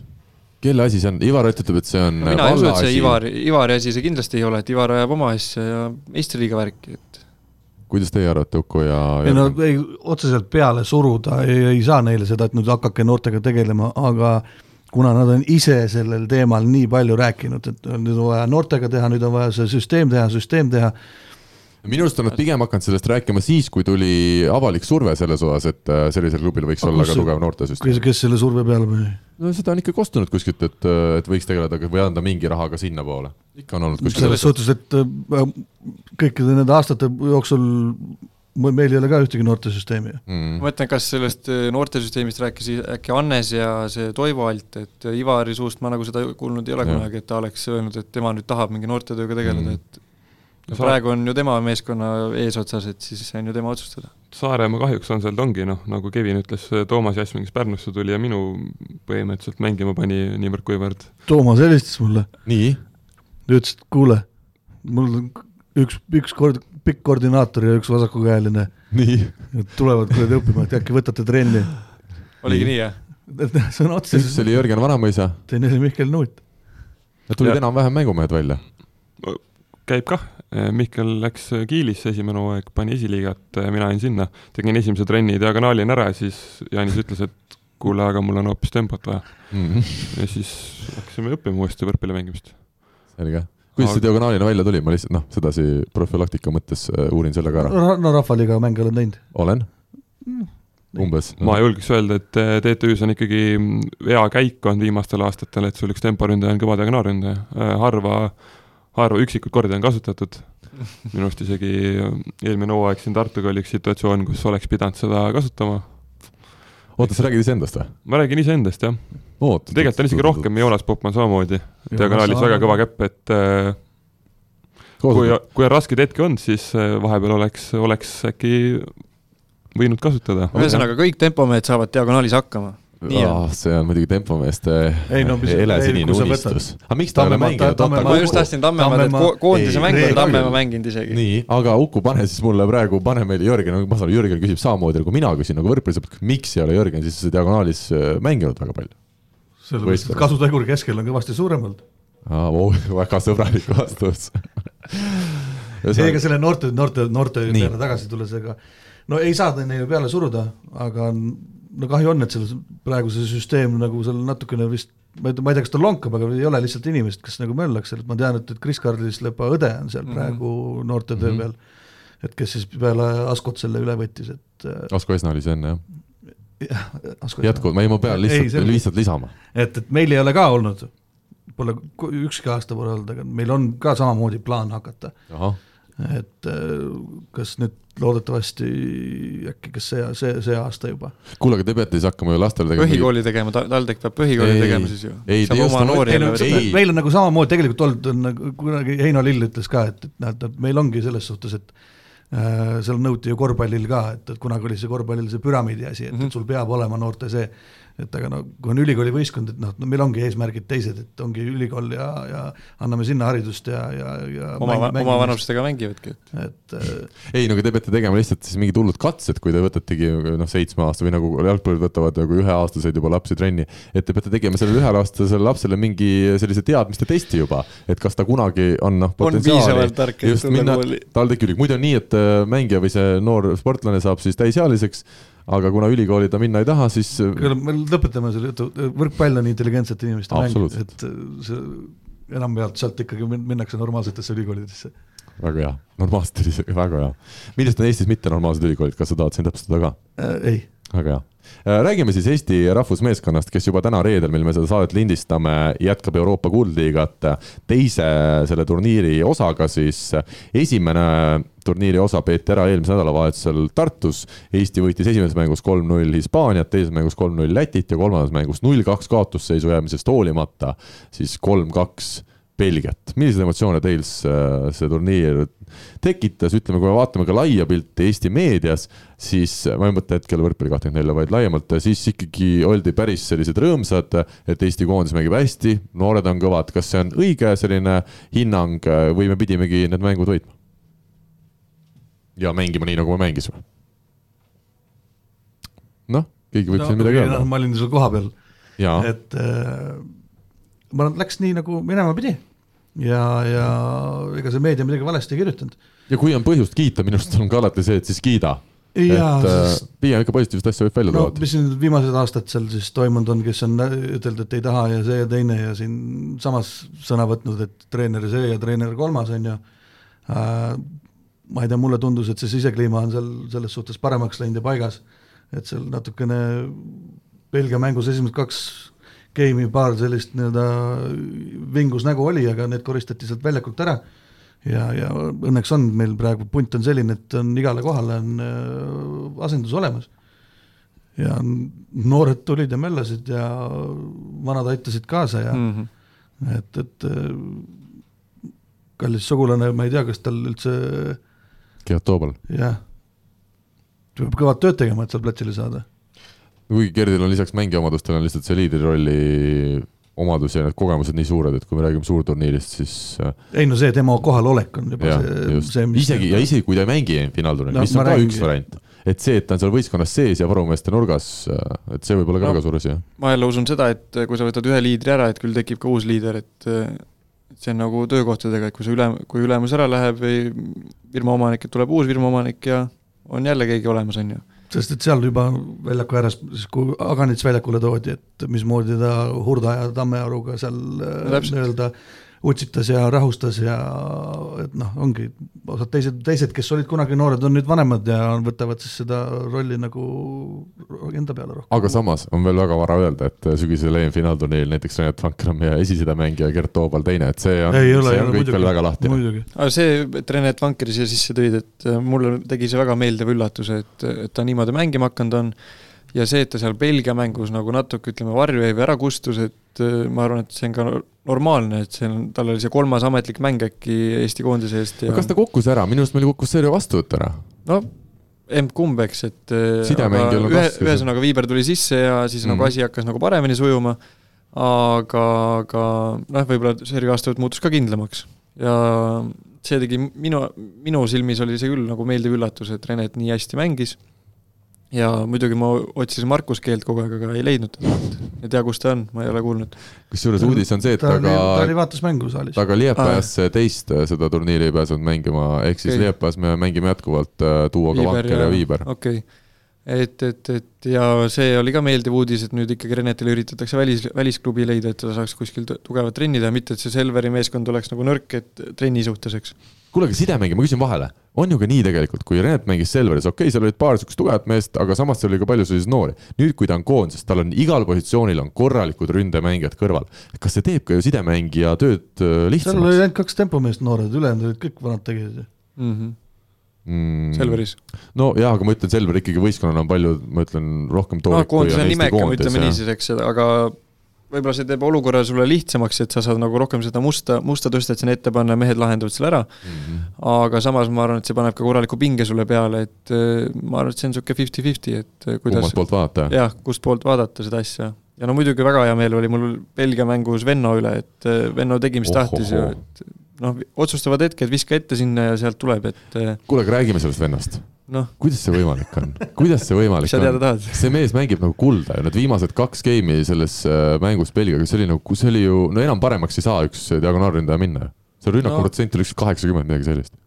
eks ta, see, et need kaaluprobleemid on tal olnud ja asjad, mina ütleks, et jätke see asi rahule ja las ta olla selline, nagu ta ise on ja tundub, et tema mängibki niimoodi kõige paremini, nagu ta iseennast hästi tunneb ja et see, et keegi hakkab teda kuskile piiridesse siduma, et sa pead olema nüüd äh, sada kilo ja mitte grammigi rohkem, ja sa võtad talt selle tuju ära, mäng, mängimise tuju ja asjad, et siis, äh, siis ei ole vennad. Rait Rikberg ütles minu arust väga õige asja selle kommentaari, täpselt sama nagu sina ütlesid, et Oliver Venno peab olema õnnelik väljakul, siis ta mängib hästi ja nii ongi, nii lihtne see ongi. Rait ikka midagi teab ka.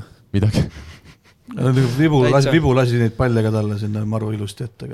oli jah? nii et neil see koostöö Robert, Robert Viiberile ja, ja, ja Oliver Venno vahel toimis väga hästi, jah mm? -hmm. Mm. et seda oli lausa lust vaadata, et kuule, aga räägime Oliverist veel. Äh, ma tean ka, ma lihtsalt ütlen selle kaalu teema lõpetuseks, et minu arust ma olen kuulnud ka, et, et ta on ikkagi mingitel hetkedel üritanud tõsiselt sellega tegeleda, aga tal ei tule see kaal väga aga kas on vaja alla. siis? just, see on. ma arvan, et, no, et tal ei ole vaja. mina ütlengi, et täna kaks geimi, Oliver Venno mängis nagu kulda, suurepärane oli näha üle ikkagi päris pika aja Eesti koondises nii hästi mängimas. teine küsimus on, kui meil EM-finaalturniir meil on seal järjestikustel päevadel mängud, meil on viis mängu alagrupis.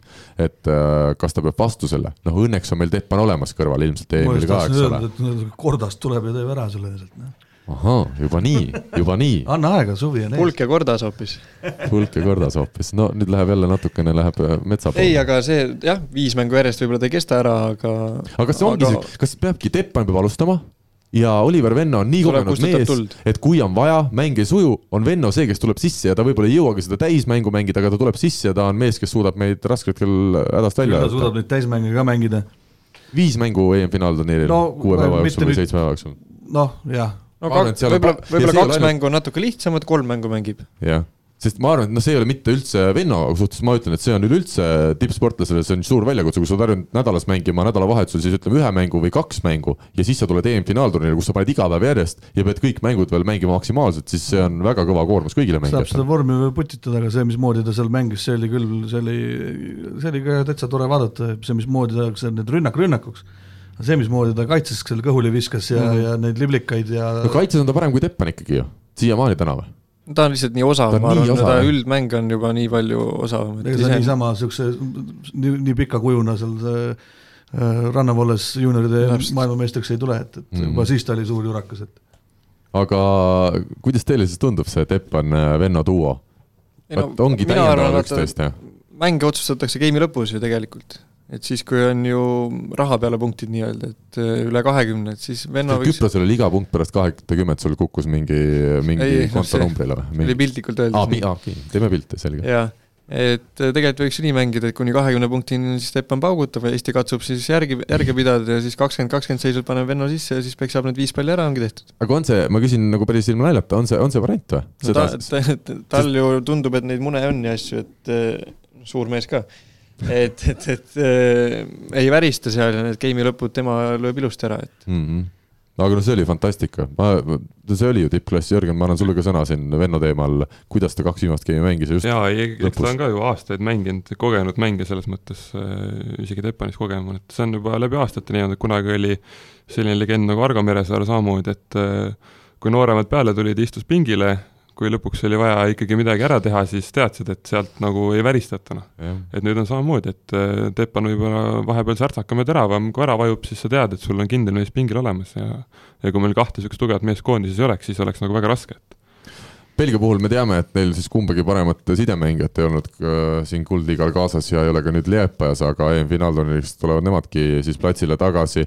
aga noh, kui me vaatame ülejäänud võistkonda, eesotsas Sam Deruga, kes äh, võitis meil Moskva Dünamo ridades Venemaa meistritiitli, võitis CEF Cupi ka sel aastal. no ikkagi selliste meeste vastu me võime öelda, et, et siin ikkagi vennad tegi nagu korraliku ploki vastu selle, selle hea mängu, olete sellega nõus? mina olen sellega nõus jah, ja ei tegi kindlasti, aga enamus ajast oli tal see Teru üksi ka vastas, et mm. -hmm. huvitav oli, et ega kas siis Eesti vastuvõtt, ma nüüd nii täpselt ei ole analüüsinud seda mängu, kas Eesti vastuvõtt oli niivõrd äh, ütleme hästi käes, et nad ei saanudki seal mitmemehelist plokki, ütleme vennale just ka tagaliinis äh, ette panna või, või oli see nagu otsus, et, et lõpuni välja minu arust ka belglased ikkagi päris ei läinud püüdma seal mitme mehega vennat no. selles suhtes olgem ausad, meil see tempoosakond on ikka maailmaklass praegu. sealt ei saagi ära minna. et, et sealt väga ja antakse ka terve mängu jooksul sinna korralikult, et siis ega väga sealt ära minna ei saa Mm -hmm. Aga see, et äh, Belgia oli ilma põhisidemängijat, et noh, ma ikkagi, ma julgen arvata, et äh, ikkagi Gert veel täna on Eesti põhisidemängija, et siis tegelikult võib Eesti koondise kohta ka öelda, et mängiti ilma põhisidemängijat mm, -hmm. et äh, olukorrad olid võrdsed.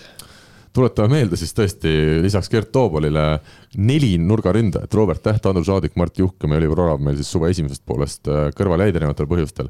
ometi oli meil siis selline koondis, nagu me ka siin täna saates oleme maininud, kus on meil vahetusmehi võtta ja väga häid vahetusmehi võtta, aga võtame selle põhikoosseisu ette, mis meil siis äh, oli siin nendes mängudes. kahekümne kahe aastane Renet Vanker sidemängija, kahekümne aastane Märt Tammearu ja kahekümne kahe aastane Albert Hurt nurgaründajad, kahekümne kahe aastane Silver Maar libero ja nemad siis olid need nooremad põhimehed nüüd ja kahekümne seitsme aastane diagonaalründaja Rene Teppan, tervitame teda siin, loodetavasti ta kuulab meid. ning kolmekümne nelja aastane kaptenist temporündaja Ardo Kreek ja kahekümne üheksa aastane temporündaja Timo Tammemaa.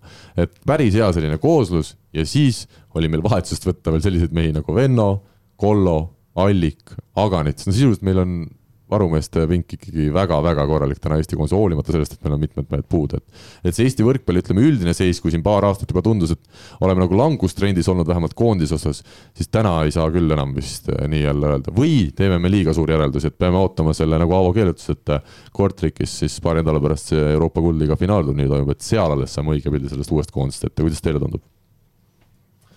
no me ei saa nüüd väga hõisata, aga ei saa ka väga nuriseda, et mm. -hmm. et äh, suht okei okay pilt on. suht okei okay pilt, see on sihuke eestlaslik, suht okei okay pilt. kuidas Silver Maar äh, liberana hakkama sai?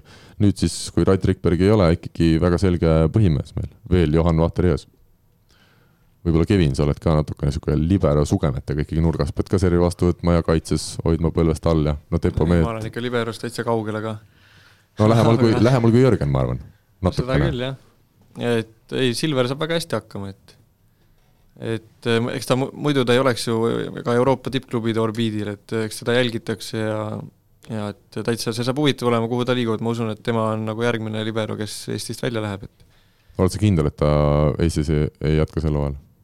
no kui ta see hooaeg jätkab, siis äkki järgmine hooaeg läheb Mm. välja, et kunagi ta võiks minna ja, ja, ja noh, ta on efektne mängija, et eh, toob neid palle jalgade ja käte ja ühe käega ja mm. vahest kahe käega toob ära, et no ta lihtsalt kahte ei hakka kasutama, kui ta näeb, et ta saab ühe kätte, ta ei hakka nagu kulutama ennast. jah, noh, Rai-, Rait jälle vaata, ta hüppab igale poole, et kui pall on isegi kakskümmend senti sinust eemal, et siis hüppad niimoodi kukerpalliga, tood palli ära, et õnneks seda asja Silveril ei ole, et et tal ka need jalad liiguvad, mm -hmm. kuule, aga Raidust on saamas ikka üha parem minu arust ka telemees, minu arust Raidu kommentaarid, ütleme väljakul ta räägib võib-olla liiga palju, aga teles tulebki rääkida palju ja minu arust Rait saab selle tööga küll hästi hakkama või on siin, ma Kevin tahab kommenteerida siis, siis ta oli terve elu vale ameti peal.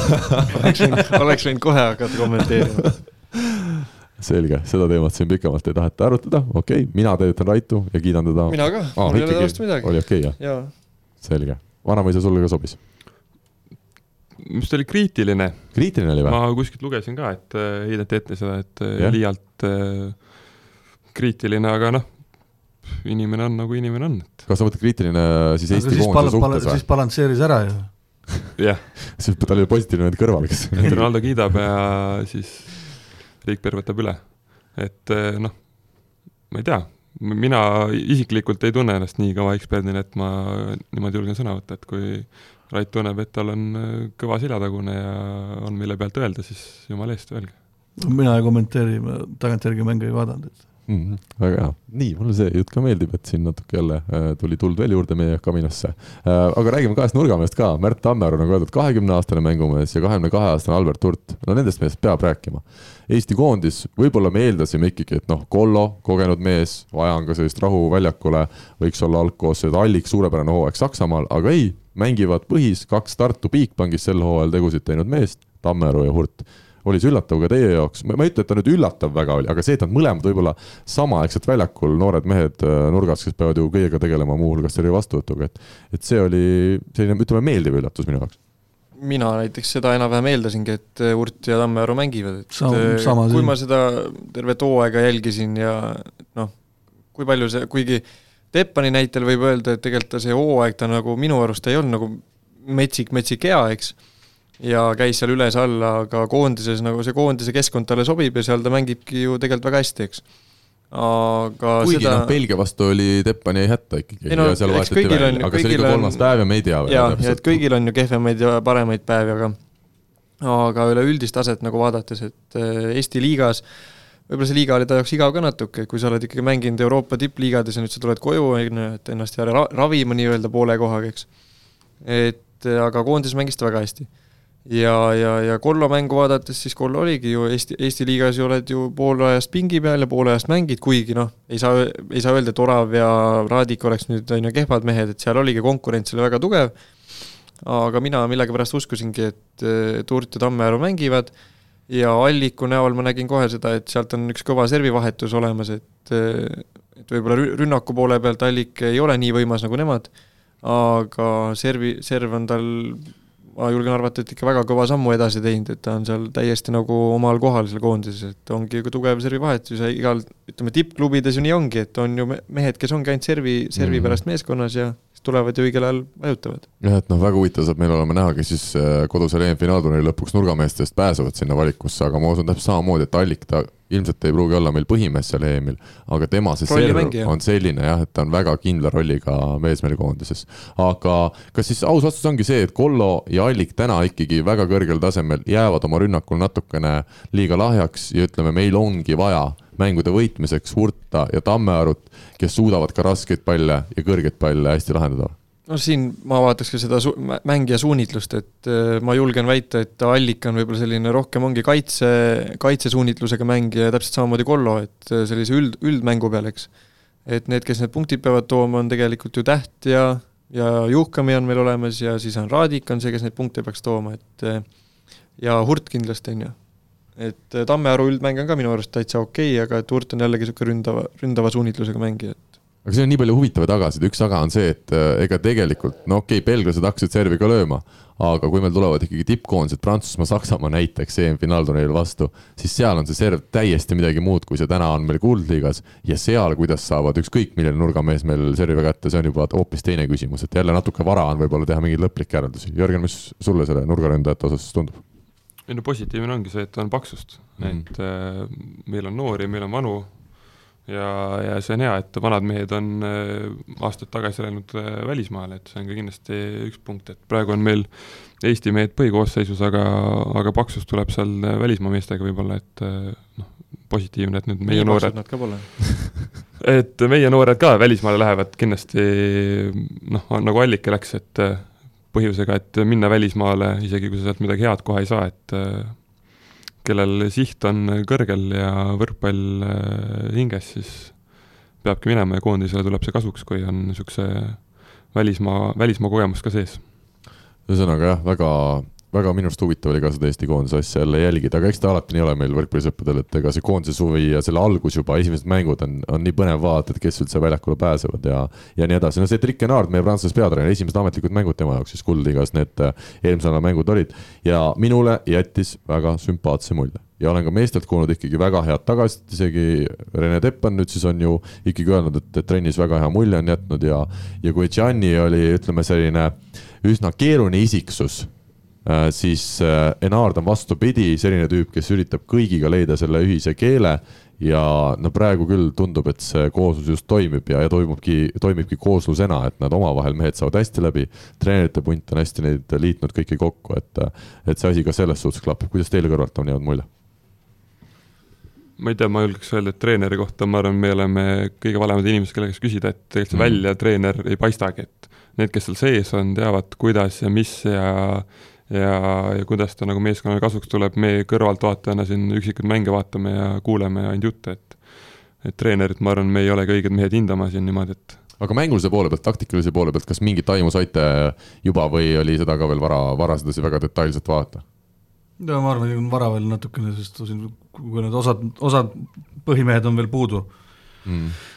See suvi annab siis nii-öelda, annab näha, mis seal toimuma hakkab ja mismoodi ta seal on, aga, aga treenerid, need kolm tükki, kes seal praegu on, need on, paistab ühte masti niisugused karakteriga, et sobivad hästi Sobivad kokku, kokku. jah.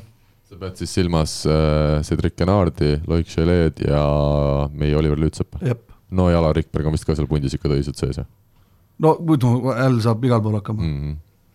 selge, selge, aga no ütleme, üks märk, mida ikka võib öelda, et päris, ma ei tea, kas see on julge valik, aga et ikkagi ta otsustas kohe esimestes mängudes minna väga noore koosseisuga peale. et ma arvan, on, oleks olnud ka treenerid, kes mõtleb, et okei okay,, mulle esimesed tähtsad mängud koondises, paneme sellised kogenumad mehed sisse, vaatame, kuidas minema hakkab. aga temal ei olnud kartust panna seal järjest Vankerit, Hurta, Tammearut ja, ja Maari väljakule. no aga need mehed on terve selle eelmise hooaja siin ju lammutanud, et keda sa siis sinna paned, et Mm. Jumala õiged mehed pani sisse sinna. tuli ju puhtalt lehelt ju koondise peatreeneriks, et eh, eks tal ongi ju trennide põhjal teeb oma otsuse ja ma arvan, et need noored mehed said nagu väga hästi trennis no ja põhiinfoallikas äh, Äll, noh, mm.. Älli käe all poisid olnud, et aga seal ei ole see, et Äll oli treener, et sellepärast nad on vist põhjal, ma ei lihtsalt Hurt ja Tammearu mõtlegi ongi seda, head nad olidki Lihtsalt paremad teistest, need ongi kõik. Äh, kuidas nüüd siis edasi, mis siin see nädalavahetus sees on ootamas Eesti spordisõpru kolm päeva? no ralli on, Sardiinia, Ott Tänak. ei ole või? täna oli esimene katse sa näpid seda telefoni kogu aeg No. mitmes me oleme? ohohoo, Jeesus, ma vaatan, no ainuke asi, miks ma praegu andestan sulle, on see, et sa oled saarlane ja kuuldavasti seda rallit sõidab ka üks tubli saarlane. no seal on teisi huvitavaid mehi veel. Saaremaal või? ei, kes ei ole, kes ei ole saar-, saarlased, aga rallis. ai, ai, ai, ohohoo, ja ongi, ja ongi kolm päeva, sul on ralli lainele, ikka. midagi muud ei ole, ei oled kuulnud mingit võrkpalli kuldliiga mingit, ei, ei tea, ei ei, nad ikka mängivad. mäng, aa noh, see on siuke, vaatad tulemus ära ja. ja õhtul on ju mäng ka- kaks tundi ja tulemus ja omal ajal vaatad ralli otseblogiga. ahah, okei okay. Kevin Saar, Eesti siis äh, tubli, tubli rallisõber, nimetame seda siis rallis, järgmine, kui sa saates tuled, me ütleme Eesti rallisõber. võib öelda nii. tegelikult on üks teine sõna selle kohta, aga me ei tohi eetris öelda seda.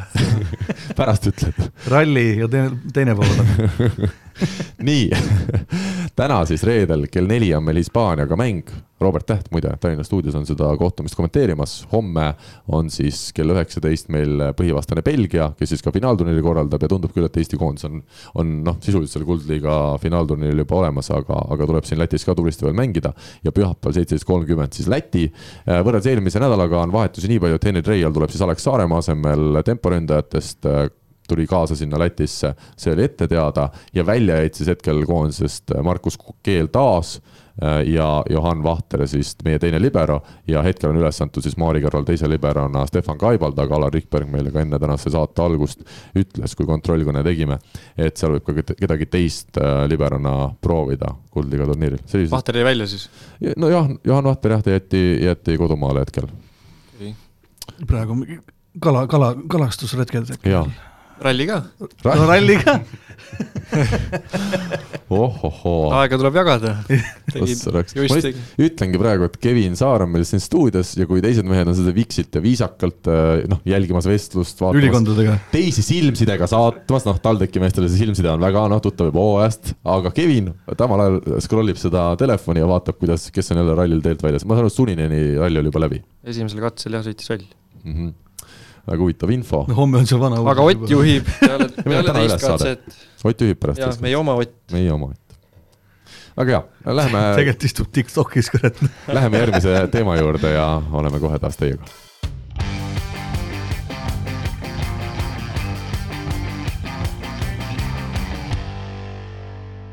naistekoondisest räägime seekord lühidalt. Euroopa hõbeliigas tuli siis äh, meie jaoks kokkuvõttes oma alagrupis vastu võtta kolmas koht äh, Bosnia-Hertsegoviina ja Portugali järel ning Läti ees. ehk siis finaalturniir ja ühtlasi järgmise hooaja koht kuldliigasse jäi saavutamata. Uku, kuna sina oled meil naiste võrkpallis võib-olla kõige rohkem ka igapäevaselt sees olnud, siis äh, millise mulje sinul üleüldiselt see just hõbeliiga turniir jättis, ütleme üks väga ilus võit Bosnia üle, aga kas kokkuvõttes on suur, ütleme selline eba stabiilsus see, mis täna praegu meie naiskonda ilmestab, et, et justkui mingid hetkel mängitakse päris ilusti, aga mingid hetked on, on väljakul selline noh, kaos, ütleme. nojah, kahjuks on see teine pool, et äh, Ameerika mäed, pigem on rohkem laskumist kui sealt mäest üles sõitmist, et milles see asi on siis, kas sina oled järeldusele jõudnud, siin on ikkagi toodud eelkõige seda välja, et meil enam sel hooajal naised ei olnud välismaal nii paljud ja kes olid, need ka olid varumängijad ja ongi keeruline tulla siis kohe koondisse ja hakata seal põhirolli kandma, kas see on see põhipõhjus, miks meil ütleme, naiskond ei ole enam mänginud sellisel tasemel, nagu ta võib-olla siin eelmisel või üle-eelmisel hooajal mängis, kui ta oma taset kõvasti kergitas? No üks seal on igalt poolt õigust, et need, kes terve hooaeg istusid, pandi nüüd kohe otse platsile, et hakake tegutsema. praktikat ei ole. praktikat ei ole, et kas oleks pidanud kedagi teist panema või võtma või mis iganes. no aga mis on parem, Kristiine Miilen ise ütleb näiteks, et äh, seal Prantsusmaal ta sai väga häid äh, trenne, et igapäevaselt olid ju trennid kõvad.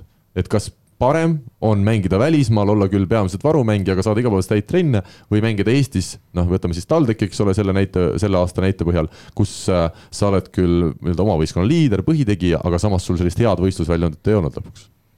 no me teame küll no põhjust, pigem on ikkagi see, et, et sul peab ikkagi see mänguolukord ja, ja, ja isegi siis, kui sul on see rahvas saalis või mitte rahvas saalis, seal on see nii-öelda see hasart, et vahet ei ole, kes sul vastas on, et sa ikkagi pead, sa tahad minna, sa tahad võita. aga see sõltub mängijast, ma arvan no,. või ei või? suures pildis ikka no, tegelikult seda mängupraktikat on ikka vaja. mängupraktikas on mängupraktika mm., et et seda tugevat trenni, noh, meil oli ka kvaliteetne trenn ju, isegi või mõni, mõni siin väitab, väidab, et on isegi trenni, trennid on kvaliteetsemad kui nii-öelda mängud, noh. et äh, aga ikkagi noh ma arvan, see mängupraktika jah, paras põnts, et ma loen siinkohal ette ühe väga, väga toreda lõigu Kristiine Miileniga tegi meie võrkpalli siis portaali tubli, tubli reporter Reio Mältoni intervjuu ja seal siis Milan, kes tegelikult hõbeliigas ju mängis üsna korralikult, ütleme nurgaründajatest oli tema see meil ikkagi selgelt see, see parim, parim lüli, ma julgen nii öelda. tema ütles nii, et äh, samamoodi kiidaksin ülejäänud staffi, kes näevad väga palju vaeva, et kõik sujuks. mõnikord on neist nii paganama kahju, sest nad teevad suure töö ära ja siis punkt, punkt, punkt. Nad ei saa tulla meie eest mängima ja tunnen, et veame neid alt. ma ei suuda kuidagi kindlana näivaid mänge enda kasuks pöörata, me ei suuda, siis oli see lause. Lorenzo Lorenzo Micheli või Michelli on öelnud, et võrkpalli me oskame mängida, aga mentaalselt peame asjad korda saama. Eesti meedia on teda kirunud, aga keegi ei näe suurt pilti. see, millist tööd ta teeb siin ja mida ta meie noorte heaks teeb, on hindamatu. Äh, selline oli siis Kristiine see tsitaat, et, et kas vaimne pool on siis see teine asi ikkagi ka siin juures? aga sealt, sealt tulebki see välja, see mängupraktika, et et sellest see tingib, sa arvad? trennis, trennis me oskame kõik mängida, aga mina ei oska. jah, seda ma tean aga, aga noh, rahva, rahvaliigas on ju, saad hakkama, eks. no ei, noh. aga ühesõnaga, mis ma tahan öelda, on see, et, et trennis sa, et võrkpalli mängida oskad, aga seal publiku ees või teise vastase vastu mängida, et no trennis väga raske on tekitada selliseid momente, et sul tekiks selline mänguadrenaliin sisse ja selline ärevus või pinge, et väga vähesed treenerid, ma arvan, oskavad sellist situatsiooni seal trennis tekitada et eh, kui sellest on puudujääk naiskonnal, siis eh, see annab ka tunda, et ongi see mentaalne pool, et see hakkab rõhuma, sa on mm., mängid võõraste vastastega ja kui oleks veel publik saalis, see kindlasti rõhuks veel rohkem ja tähtsad mängud ja tähtsad mängud, et muidugi ma olen nüüd palju kuulnud selle koroona tõttu, et eh, osad mängijad näiteks mängivad hoopis kehvemini tänu sellele, et ei ole publikut saalis üldse. et mõned no Rahvaliigas mängijad... on see iga aasta nii olnud kahjuks.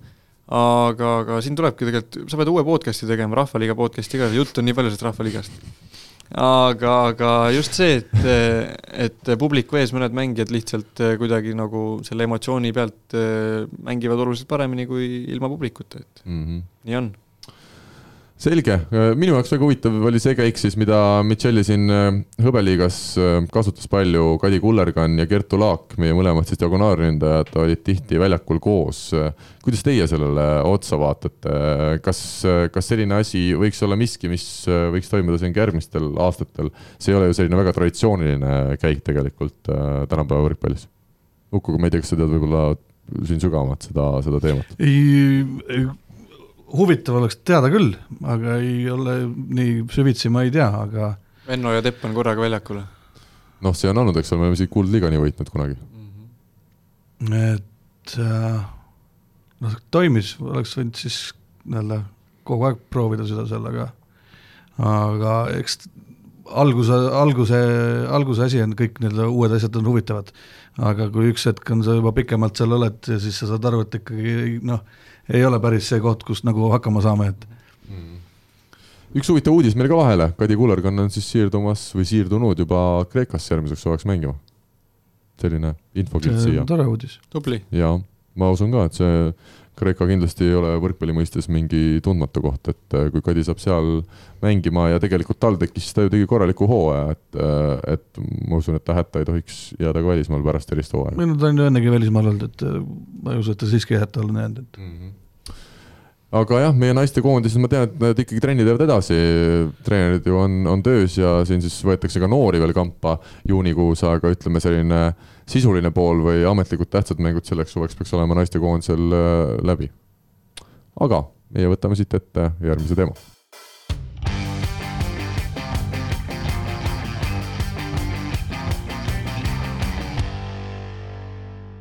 rannavõrkpallihooaeg on kätte jõudnud sarnaselt suvele ja ütleme, teiseks juuniks ei ole saanud pruuniks veel ei Vanamõisa, ei Saar ega, ega Rummi, aga kuidas nüüd rannavõrkpalliga on, kuidas Jörgen ja Kevin, aus küsimus, noored mehed tahtmist on, miks mitte mängida rannavallet suves, suvel? mina käisin. sina, sa käisid? mis, millal see Rahvaliiga suveolle Pirita rannas äkki oli üks päev, käisin seal vaatamas.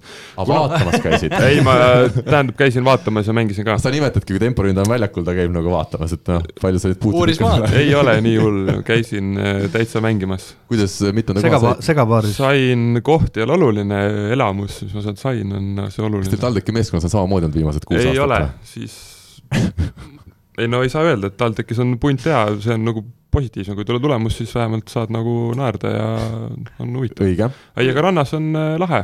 Äh, ise ei ole nagu tõsiselt ette võtnud, mõned äh, saalivõrkpallurid käivad iga suvi, teevad päris nagu tõsiselt ja asjalikult, et ma mõtlen, et kohavalik on Rinaldo sul hea, et, et Vanamuisal on pikad käed, et kuradi, et siin need kommentaaridega. no ja ma tean lihtsalt, et ega pärast saadet, pärast saadet oleme mikrofoni juurest eemal ja noh, no Renega on meil siin hästi läinud, selles suhtes äh, olen pääsenud ja, ja ma loodan, et ma pääsen ka täna, sest meil on järgmine plaanis järgmine salvestus teha loodetavasti. head kuulajad, kui meid järgmist nädalat eetris ei ole või on keegi minu asemel, siis siis võite Jörgeni Tul, tulge Manta majja. küsida, küsida Jörgeni käest, kus, kus mind leida võib. ei, ei, Manta, Manta majast ja, aga äh, ma pean seda võtme vaatama, et nende ukse taga kinni ei panda, mul on siin Tartus vaja nädalavahetusel mängida, ise ka kaasa, muidugi ma ei tea, kas seda mängimiseks saab nimetada, aga selle me täna pikemalt ei peatu. Kevin, äh, kus on sinu paariline ja, ja sinu esimesed rannavalle turniirid see suvi? rannavalle on äh, lõbus tegevus ümara jutu generaator on läinud siin meeste kõigil käima ei, tegelikult kui aus olla, siis eh, paar korda on see aasta ka juba toksitud, et eh, et olin siin pikalt Saaremaal ja siis Saaremaal sai tehtud trenni Uuskari, Tamme ja Pupartiga. kes kõige parem oli? mina. aga tõsiselt olid kõige parem või? kas sa oledki alati ei, igal pool kõige parem või? no selles mõttes, et ise tuleb ikka mõelda nii, et sa oled kõige parem, eks. nojah, aga me praegu nagu valgustame Eesti rahvast, et noh, Pupart näiteks on ta rannas väga hea. on, kas ta seal ka seda saagi teeb ja seda käeringe ja ikka, ikka. teeb jah? no need on ta firma liigutused. äge, ja äge. ma, ma tahtsin ise neid ka teha, et kui kõrgeid palle lasin out'i niimoodi käte vahelt läbi ja siis sai naerda. ja siis, kui vaata Tamme firma liigutus on see, et kui ta kogemata plokki lööb ja ei julge sealt üles, siis ta plaksutab käsi niimoodi kükis, et come on guys, come on. jah, et seda sai tehtud ja ei, lõbus oli, et ma räägingi, et rannapoole on lõbus, aga tipptasemel seda ei tee, et lihtsalt oma lõbuks ja vormis saab sellega hästi hoida keha, et äh, väga äge, soovitan. kuidas üldse ennast hoiavad mängijad vormis, TalTechil meil sai kaua aega juba päris ammu läbi, kuidas ja nagu Küprosel oli ka ju, mis teil sai, aprill või? märts, märtsi lõpp, jah. kuidas te sisuliselt pool aastat pausi ju? see peab meeletult individuaalset tööd tegema. no kui sa tahad, et sa sügise alguseks oleks äh, enam-vähem mõistlikus äh, situatsioonis vormis, siis sa pead, pead ikka tegema, jah. Sügisel on ju kuu aega ettevalmistav periood ju. Jah, aga seal, seal tuleb ka ikkagi ellu jääda, et äh, Nõmme trepid ja mis muud asjad siin huvitavad Nõmme. sild. et kui sul pitsa, pitsa on kõhu peal, siis seal on nagu raske. hakkab võib-olla tervisele ka rohkem. ahhaa, ma tean siis menüüst välja võtta need trenne. aga, aga kuidas aitaks siis vormis, ma küsin lihtsalt, mind tõesti huvitab see, mehed, kes pool aastat sisuliselt on ilma mängudeta, kuidas, kuidas see välja näeb, kas teil on TalTechis ka noh, pärast hooaega ma eeldan, et teed mingid trennid veel mingi ajani, praegu on kuskil jõusaalis igapäevaselt käid või, või kuidas sa ennast vormis hoiad? ma arvan, et mehed saavad eh, teha jõusaali individuaalselt, kavasid seal küsida, arutada, kes tahavad seal, enamus, ma arvan, mängivad rannas.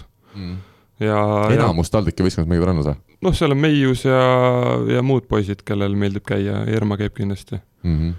ja no üldiselt ma isiklikult peale võrkpallihooaja lõppu lülitan ennast võrkpallist välja ja siis, kui sügisel juhtub, et pean uuesti mängima, siis lülitan sisse-tagasi. et see vahepealne kaheksa kuud on nagu piisav. Kevinil, ma arvan, on võib-olla natuke sarnane, et et ma ei suuda nagu kaksteist kuud sama, sama ringi sees olla. aga praegu, kuidas ma treenin? Praegu ma seadsin suve lõpuks ühe teise eesmärgi, augusti alguseks eh, treenin eh, ujumise, rattasõidu ja jooksmisega oi, Ironman või? võtsin ühe väikse eesmärgi ja nüüd vaatame, kuidas see välja kukub. sa lähed poolikut distantsi jah. tegema või Äh, jah, poolikut proovin. mm? -hmm. proovid, tähendab, proovin proovin lõpetada. proovid lõpetada ma, ma lihtsalt küsin, ma, ma ei tea, kuidas, ma noh, aus sa ei küsimus, tahtnud, sa ei tahtnud kümne päevaga kakskümmend maratoni joosta? ei, täitsa, täitsa loll ei ole veel jah. ei, aga aus küsimus, kas seal ujumises võib minna selle, vaata tead, mis on, lastel on see ujumis, see rõngas on ümber kõhu, et noh sest see on pikk distants, seal on ju mitu kilomeetrit peab ujuma ju. üks koma üheksa on poolikul noh jah,. kaks kilomeetrit, kas sa tead, kui pikk ta on? noh, jalad maas ongi, ongi kõnnid. peaaegu nii pikk. kui ma kaldalt kukun, siis on pool distantsi siis isegi juba ümber pöördeks püsti jah, see on ümber pöörd jah. mis järjekorras see on? ongi ujumine, siis on üheksakümmend kilomeetrit ratast ja pool maraton. kuradi rallimees ei tea meil mitte midagi muudest see spordialadest on lige, ligemärjane jooksed seal, sõidad rattaga ja kui rattaga sõidad, siis kuivad ära ja siis jooksed. jube. See on, see on pool, ma, pool. ei no ma ei tahagi teada tervest midagi. aga seal ma võin sulle saladuskattele öelda, et seal on ikkagi ujumine esimene, rattasõit teine ja jooksmine kolmas, see triatlonis nii käibki aegade algusest peale. aga kuidas ma ennast vormis hoian, ongi see, et käin aeg-ajalt jooksmas ja nädalas kaks-kolm korda, et kuus iga pühapäev saunas ja saunas higistan selle üle, üleliigse pitsa välja ja, ja, ja kodus oma kehaga teed äh, jõudu, et ahah, oma Ekstra. keha raskusega. no kui see, see koguneb ju kogu aeg, siis on hea teha. iga, iga nädal on turg. ra- rask-, antlite raskus kogu aeg tõuseb ju. et progress on kogu aeg ja ei, sul on, ma tean, sul on üks väike hantel kodus, kodus, et sa pead Jaa. seda ühe käe peale teise käe peale. kui raske sul pisikene see on, see on on? L teema. see on hell teema.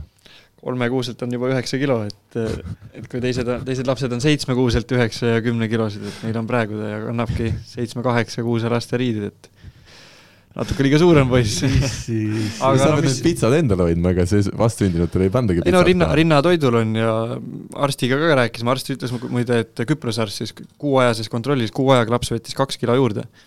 ja siis arst ütles, et naine peaks oma rinnapiima panema e-base'i müüki, et siis ei oleks vaja enam kunagi tööd teha, see pidi nii rammus olema. Et arst oma kolmekümneaastase lastearsti karjääri jooksul ei ole näinud, et kuu ajaga laps võtaks kaks kilo juurde, aga noh, Mhm. meil liigub see kogu aeg edasi niimoodi. Küprosel on nii palav, et seal ei võta keegi midagi juurde. noh, ikka võtab. ma ei julge siin midagi öelda, sest mul nii kaugel on sellest teemast. ei ole, ei ole veel jõudnud nii kaugele, Kevin, aga, aga räägime rannavõrkpallist, sealt me ei ole ka väga kaugele jõudnud. Kusti Nõlvak, alustame meesteturniirist, ei mängi siis Mart Tiisaare, kes äh, taastub äh, vigastusest ja tema paariseks on Indrek Verro, treener. ja kas see tähendab nüüd seda, Uku, kas sa oled kohal kohtunikuna, ma küsin vahele, olen, vilistad sa, vilistad sa kõiki mänge? Vilistan äh, nii palju kui vaja ja, ja, ja kõike, kes äh, mängima tulevad. kõik, kes mängima tulevad. vot see on hea kohtunik. nagu laadal oleks. enne teeme hingamisharjutused ära ja, ja siis Raekojas sel korral ei mängita, sest alles neljateistkümnendast juunist siis Vabariigi Valitsus lubab meil publikut ähm, spordivõistlustele, aga mängitakse siis seal Emajõe kaldal rannakeskuses kõik mängud ja isegi vist peaks olema natukene parem see liiv seekord, muidu seal on olnud probleem, et liiga kõva on see pinnas, et nagu saalis mängiks, aga nüüd loodetavasti on siis selleks turniiriks ikkagi parem olukord ka liivale tekitatud, aga kas Lõhmus Korotkov hetkel on siis äh, peamised favoriidid selle meesteturniiri võidule? siin on, ütleme, Urmas Piik, Sander Steinberg, ma tean, Urmas on väga heas vormis, ta on isegi nii heas vormis, et ta ei jõua meil saatesse, kuigi sügisel sai nagu räägitud, et et, et Urmas on nii hea jutuga, et äkki, äkki annab siin natuke ülevaadet esiliigast ja, rannavõrkpallist, aga Urmas on muidugi ka tegelikult on tõesti töömees, me teeme saadet siis, kui töömehed on tööl, aga, aga Steinbergiga väga kõva, kõva paar kindlasti. Steinberg minu arust on eluaeg vormis olnud, et Steinberg on eluaeg vormis olnud alati mängib hästi. Kloogarannas korraldasin ise võrkpalli kahekümne neljaga turniiri ja väga hästi mängisid äh, Kaur-Erik Kais ja Rasmus Meius, meie siis ütleme noored, kellel küll kahjuks kahel aastal järjest siis tiitlivõistlused omaealistel on, ma saan aru, ära, ära jäänud, et äh, väga karm selles suhtes Jaa. vanuseklass on sattunud. aga seda enam on nendel, ma arvan, ka huvi mängida siin Eesti meistrivõistluste etappidel nüüd hästi ja ja ütleme, Lõhmus Korotkoviga see finaal Kloogarannas oli väga tasavägine tõesti, Meius väga osavalt mängis ja, ja Kaisil on, on suurepäraselt palju võimu, et, et sellest paarist on ikkagi ka saanud aastaga veel tugevam tuua, nii nagu ilmselt äh, olema peabki. kuidas, kuidas sulle, Uku, tundub see meeste võrkpalli just see seis, kes seal sellised suuremad favoriidid võiksid olla? no eks see on, nagu sa ütlesid, need esimesed kaks paari ja me ei tea ju kunagi, mis sealt Lätist tuleb, et Jah. Läti, Lätist, kui tavaliselt, kui tuleb, ega sealt väga kehva ei tule. see on vist noorte Euroopa meistrivõistluste medalist on üks paar. et, et sealt võib ka tulla, et aga meie omadest keda veel? Argo Arak, seekord siis äh, teine vanameister äh, Andres Leismann ja, ja Kaarel Kais siis äh, mängimas Rein Tiiseriga. mul on hetkel Volli see pressiteade üleval, siin on kirjas, et Kristjan Kais mängib Rein Tiiseriga, aga ikka Kaarel Kais on see, peaks olema, igal juhul, jah. ja Kaarel Kais on nelikümmend kuus ja Argo on Arak on nelikümmend viis. seal on kõvasti kogemust selles paaris, et need võivad ka Mhm. üllatada siin noori ette-taha, et sa mõtled siis Arak No, no,, Leismann jaa,, üks selge plokimängija, üks kaitsemängija. Pomerants Tamme, jaa, teinud pl- huvitavaid paare on väga Pomerants- palju. Pomerantsi mängivad ka või? Pomerants ja Ennemuist. Killingrami esipaar, Nuut Maidla kindlasti tahab silma peal hoida. et äh, kõik vasakukäelised on sinna kokku kogunenud. jaa, kas Nõlvak Verro, kui ikkagi Verro treenerina mängib Kustiga koos, ma vaatasin ka Kloogarannas ja Kangrus käisin siin nädala alguses ka ühel turniiril äh, ka mängimas, ega Verro tegelikult mängib päris korralikult, aga küsimus on see- rahulikult, eks. rahulikult ka, aga kas Eesti meistrivõistluste etapil äh, Nõlvak Verrol on reaalne šanss võtta esikoht ära või, seda Ei on ole. liiga palju nõuda? ei, esikohta ei tule. ei usu ka. nii, äkki on vanamees ja Sirelmu ka seal. vaatame, puhtalt jõu pealt ainult. kiiresti ei ole, ma just ütlen. Jörgen, see peab kirja äkki saab mingi wildcard'iga kuskil. miks, miks mõned saalivennad ei saagi randa mängima hakata, sest seal ei ole nii, et sul tuleb buss, tuleb spordihoone ette, kell kümme oled kohal, lähed mitte, viiakse saali, pannakse veel sul söök ka suhu ja siis tuuakse mängud tagasi ja sa ei teagi, kus sa käisid ja mis sa tegid. rannavõrkpallis sa pead registreerima, sa pead ise kohale minema, sa pead ise vaatama, kuidas sa süüa saad, sa pead ise tegema ka mängu ära. vahet, vahetusi ka teha ei saa, kui kehvasti saa nii, et mängid, peadki vastutuse võtma ja ei saa mängima nii, et tagaliinis oled kuskil lihtsalt pingi peale vaatad ja plaksutad kaasa, et seal tuleb ikkagi tõsiselt olla asja kallal. no siis ma, sul ikka välja ei tule see. no minul ei tule lihtsalt siis ma ikka ei saa mängida, et äh, kui ma pean ise vastutama tulemuse eest, muidu ikka näiteks näpuga suures meeskonnas. Kelle viga oli, jah? mis mina, aga sa olid palju halvem. ja rannavalles siis öeldakse, et treener kaotab, meeskond võidab. rannavalles ei ole ka tihti nendel mängijatel, kes Eestis mängivad, ka treenerid, et siis see, kui treener kaotab, see on positiivne, kui ma treeneriga mängin.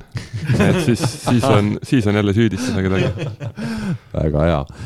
kas meil on huvitavaid äh, kedagi siin veel, kes võiks medali eest konkureerida, me neid Läti paare nii hästi ei tunne, et meid hakkame nüüd kuskile paremusjärjestusse panema, aga vasakukäelised Nuut Maidla küll on jah, ka huvitav paar, keda siin juba vist sai korra õrnalt mainitud. nii et Tartus see avaetapp on toimumas, meestel kirjas oli kakskümmend viis paari, seal on kvalifikatsioon juba laupäeva varahommikul. Ja võtame naiste turniiri ka ette, naisi samuti meeldivalt palju ikkagi, meil on täna äh, mõlemas siis nii meeste kui naiste klassis üle kahekümne sellise tõsise ikkagi harrastaja, kes käivadki Eesti karikavõistluste etappidel, et äh, Uku, sina tead ilmselt paremini, veel mingid aastad tagasi oli, oli ikkagi päris raske saada põhiturniiri kätte, jah?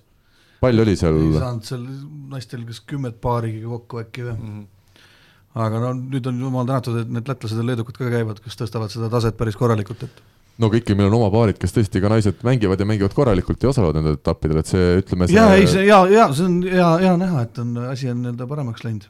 palju meil praegu on täisprofessionaale? No täisprofessionaale ei ole ühtegi, kõik ju Soomets, Hollas, Pikk Kurepohhooma teevad tõsise, ütleme, töö kõrvalt seda okay.. no kõige rohkem võib öelda Hollas, Soomet. nojah, nendel ütleme, see Mhm. töö on vist, ma saan aru, ajaline või seal teevad kooli kõrvalt, aga Kurepohhooma ja Pikk on minu teada ikkagi täiskohaga tööl, et et ega see ja meestel on praegu kaks paari? no Korotkov äh, jah, teeb ikkagi ka treeneritööd kõrvalt okay. ja veel Lõhmus võib-olla on rohkem siis tõesti ka, aga ta on ju, käib ju koolis veel, õpib juuksuriks, nii et äh, ütleme, tegutsemist on küllaga. aga läheme siis selle naiste turniiri juurde. no ja nimetades sai juba ette loetud äh, Soomets, Hollas, Pikk Kurepuu Hoomov Eesti paaridest ja Luise Skrastina ja, ja Marta Osolina on kindlasti see Läti paar, kes siin ka esikohta läheb püüdma ähm,. kuidas tundub, Uku, kas need kolm paari on, ongi need ainsad esikoha pretendendid, mul on siin see nimekiri ees, aga ütleme, järgmised Eesti paarid võib-olla nendel ikkagi päris seda esikoha šanssi siin hetkel vähemalt ei näe. Mari Loorman ka võib-olla siis äkki, aga ei, no jah, pigem on jah, need Läti ja, ja, ja Hollas, Soomets ja Pikk, et ma ei tea, leedukad, mis need endast kujutavad, aga pluss on sellised kogenud paarid nagu Liina Kais, Kadi Kalm jälle stardis, Silla Ostrov, Kerli Toomela, et ja ütleme, Merin Jõeäru eelmisel aastal koos Maret Kuusega siis Eesti meistrivõistlusel pronksi võitnud naised on kõvasti siin ka trenni teinud Tallinnas muude tegemiste kõrvalt, et et selline, ütleme, see tipp on meil ühtlaselt tihe, võib öelda ka naistest, et võtame siin veel Liidia Lelsaar, Anna-Liisa Peetma. siin neid huvitavaid paare tegelikult on, et, et need võrkpallisõbrad, kes natukene juba ka teavad lugesid paare. kõik ette, kes sul eile turniiril ei seal..., ei siin mul ei pikk Kurepohhooma mul küll kuskil turniirile käinud ja Soomets, Hollas ka ei käinud ja Läti aga- ka ei käinud. viimased paarid nagu. tasub, tasub vaatama minna, ma arvan. jaa, on ma arvan, tuleb päris huvitav, tuleb nii meestel kui naistel. Aga vaata Kuldliigas oli see Soome kohtunik, ma tulen siia korra selle teema juurde, et Uku, sa siis päris sarnasugust, nagu et, et kohtunik ei pea olema see päris no sellist võtme, ei ole võimalik.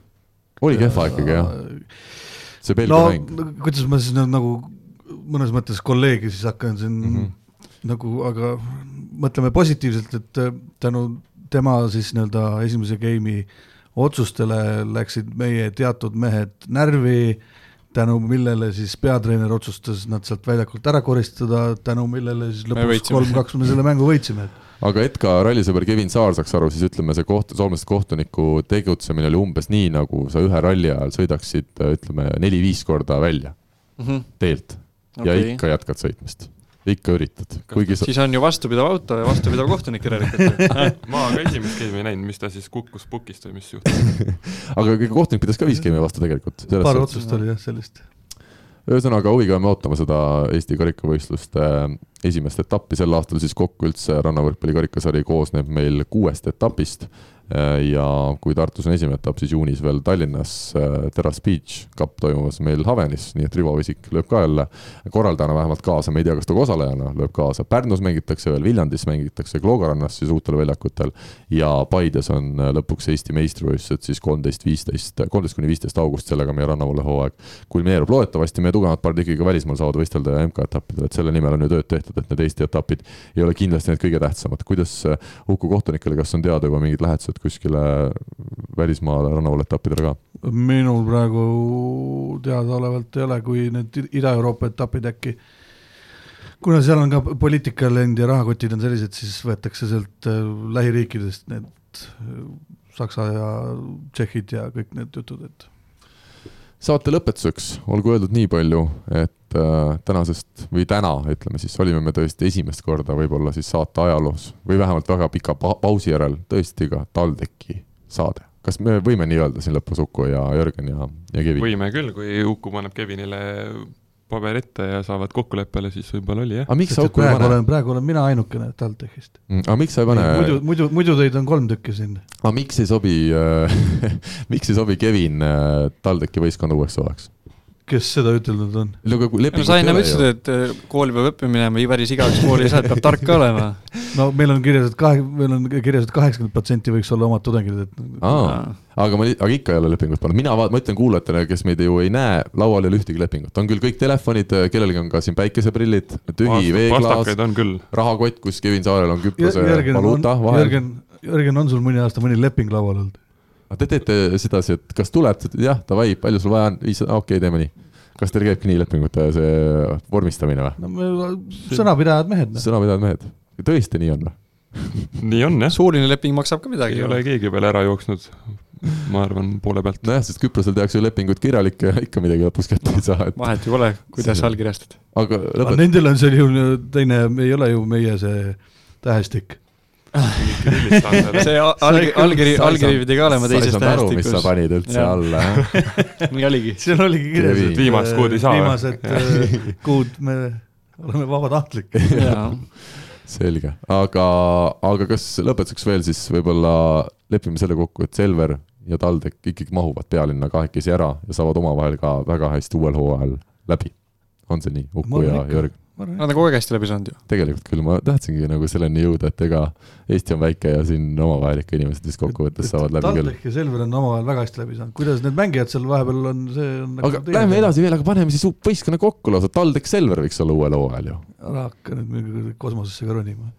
Ei lähe, mulle ei meeldi kõrgused, juba see Nõmme just sild me. enne rääkisime, et kui Saaremaa ära kukuks, et siis mis Eesti meistriliigas saaks, Mhm. mis sa tahad kaks meeskonda kokku panna, see teeb ju sama välja, nagu üks kaoks ära. no aga, noh, aga see kukub ju rahva, rahvaliigasse lõpuks, seda sa tahadki siin. et sats juurde tuleks rahvaliigasse ja jah, ja. No Pärnul ka praegu ühtegi sellist suurt lepingut veel minu teada sõlmitud ainult ametlikult ei ole, et võikski olla siis TalTech, Selver, kaldkriips, Bigbank, siis me saakski ühe Eesti võistkonna, mängivad trennis, trenni kvaliteet on kõva, nagu me rääkisime, trennis peab ka kvaliteet kõva olema. Ja laseme publiku siis trennidesse, iga päev tulevad, vaatavad, on ka see mänguhasart sees. Noh, nii et sedasi, sellise suure mõtteni jõudsime tänase saate lõpetuseks, igatahes ei jõudnud, selleni jõudsid sina. ma ütlen lihtsalt äh, nii palju veel lõpetuseks, et äh, kuna eile õhtul, hilis, hilja, hili, hilja õhtul ikkagi sai lõpuks see saade nagu paika pandud, siis suur tänu kõigile teile kolmele, et te leidsite selle võimaluse aja meid siin välja aidata sellisel mul oli telefon hääle peal, lapsed ärkasid üles ja täna hommikul oli vara kooli vaja minna. mm. -hmm. mul oli hääletu peale kell üksteist öösel tuli mulle vo- voice message, ma võin öelda Mm,. mul on Karl sama. Rinaldo poolt. ma sõitsin on sama. turniirilt tagasi, mul tõesti oli, oli, oli ka jah, mis Ja vastasin- voice message on? häälsõnum Ah. sõnum jah, eesti keeles ja ma vastasin talle kella viiest hommikul, sest mul Mhm. oli vaja ärgata. no just. tore, kui on vaja vara ärgata, lapse pärast, saadete pärast, elu Jaa. peabki käima, siis tunned sellest võib-olla kõige rohkem mõnu. aga suur aitäh kõigile kuulajatele ka ja kohtumiseni loodetavasti juba nädala pärast. jah, nägemist. nägemist.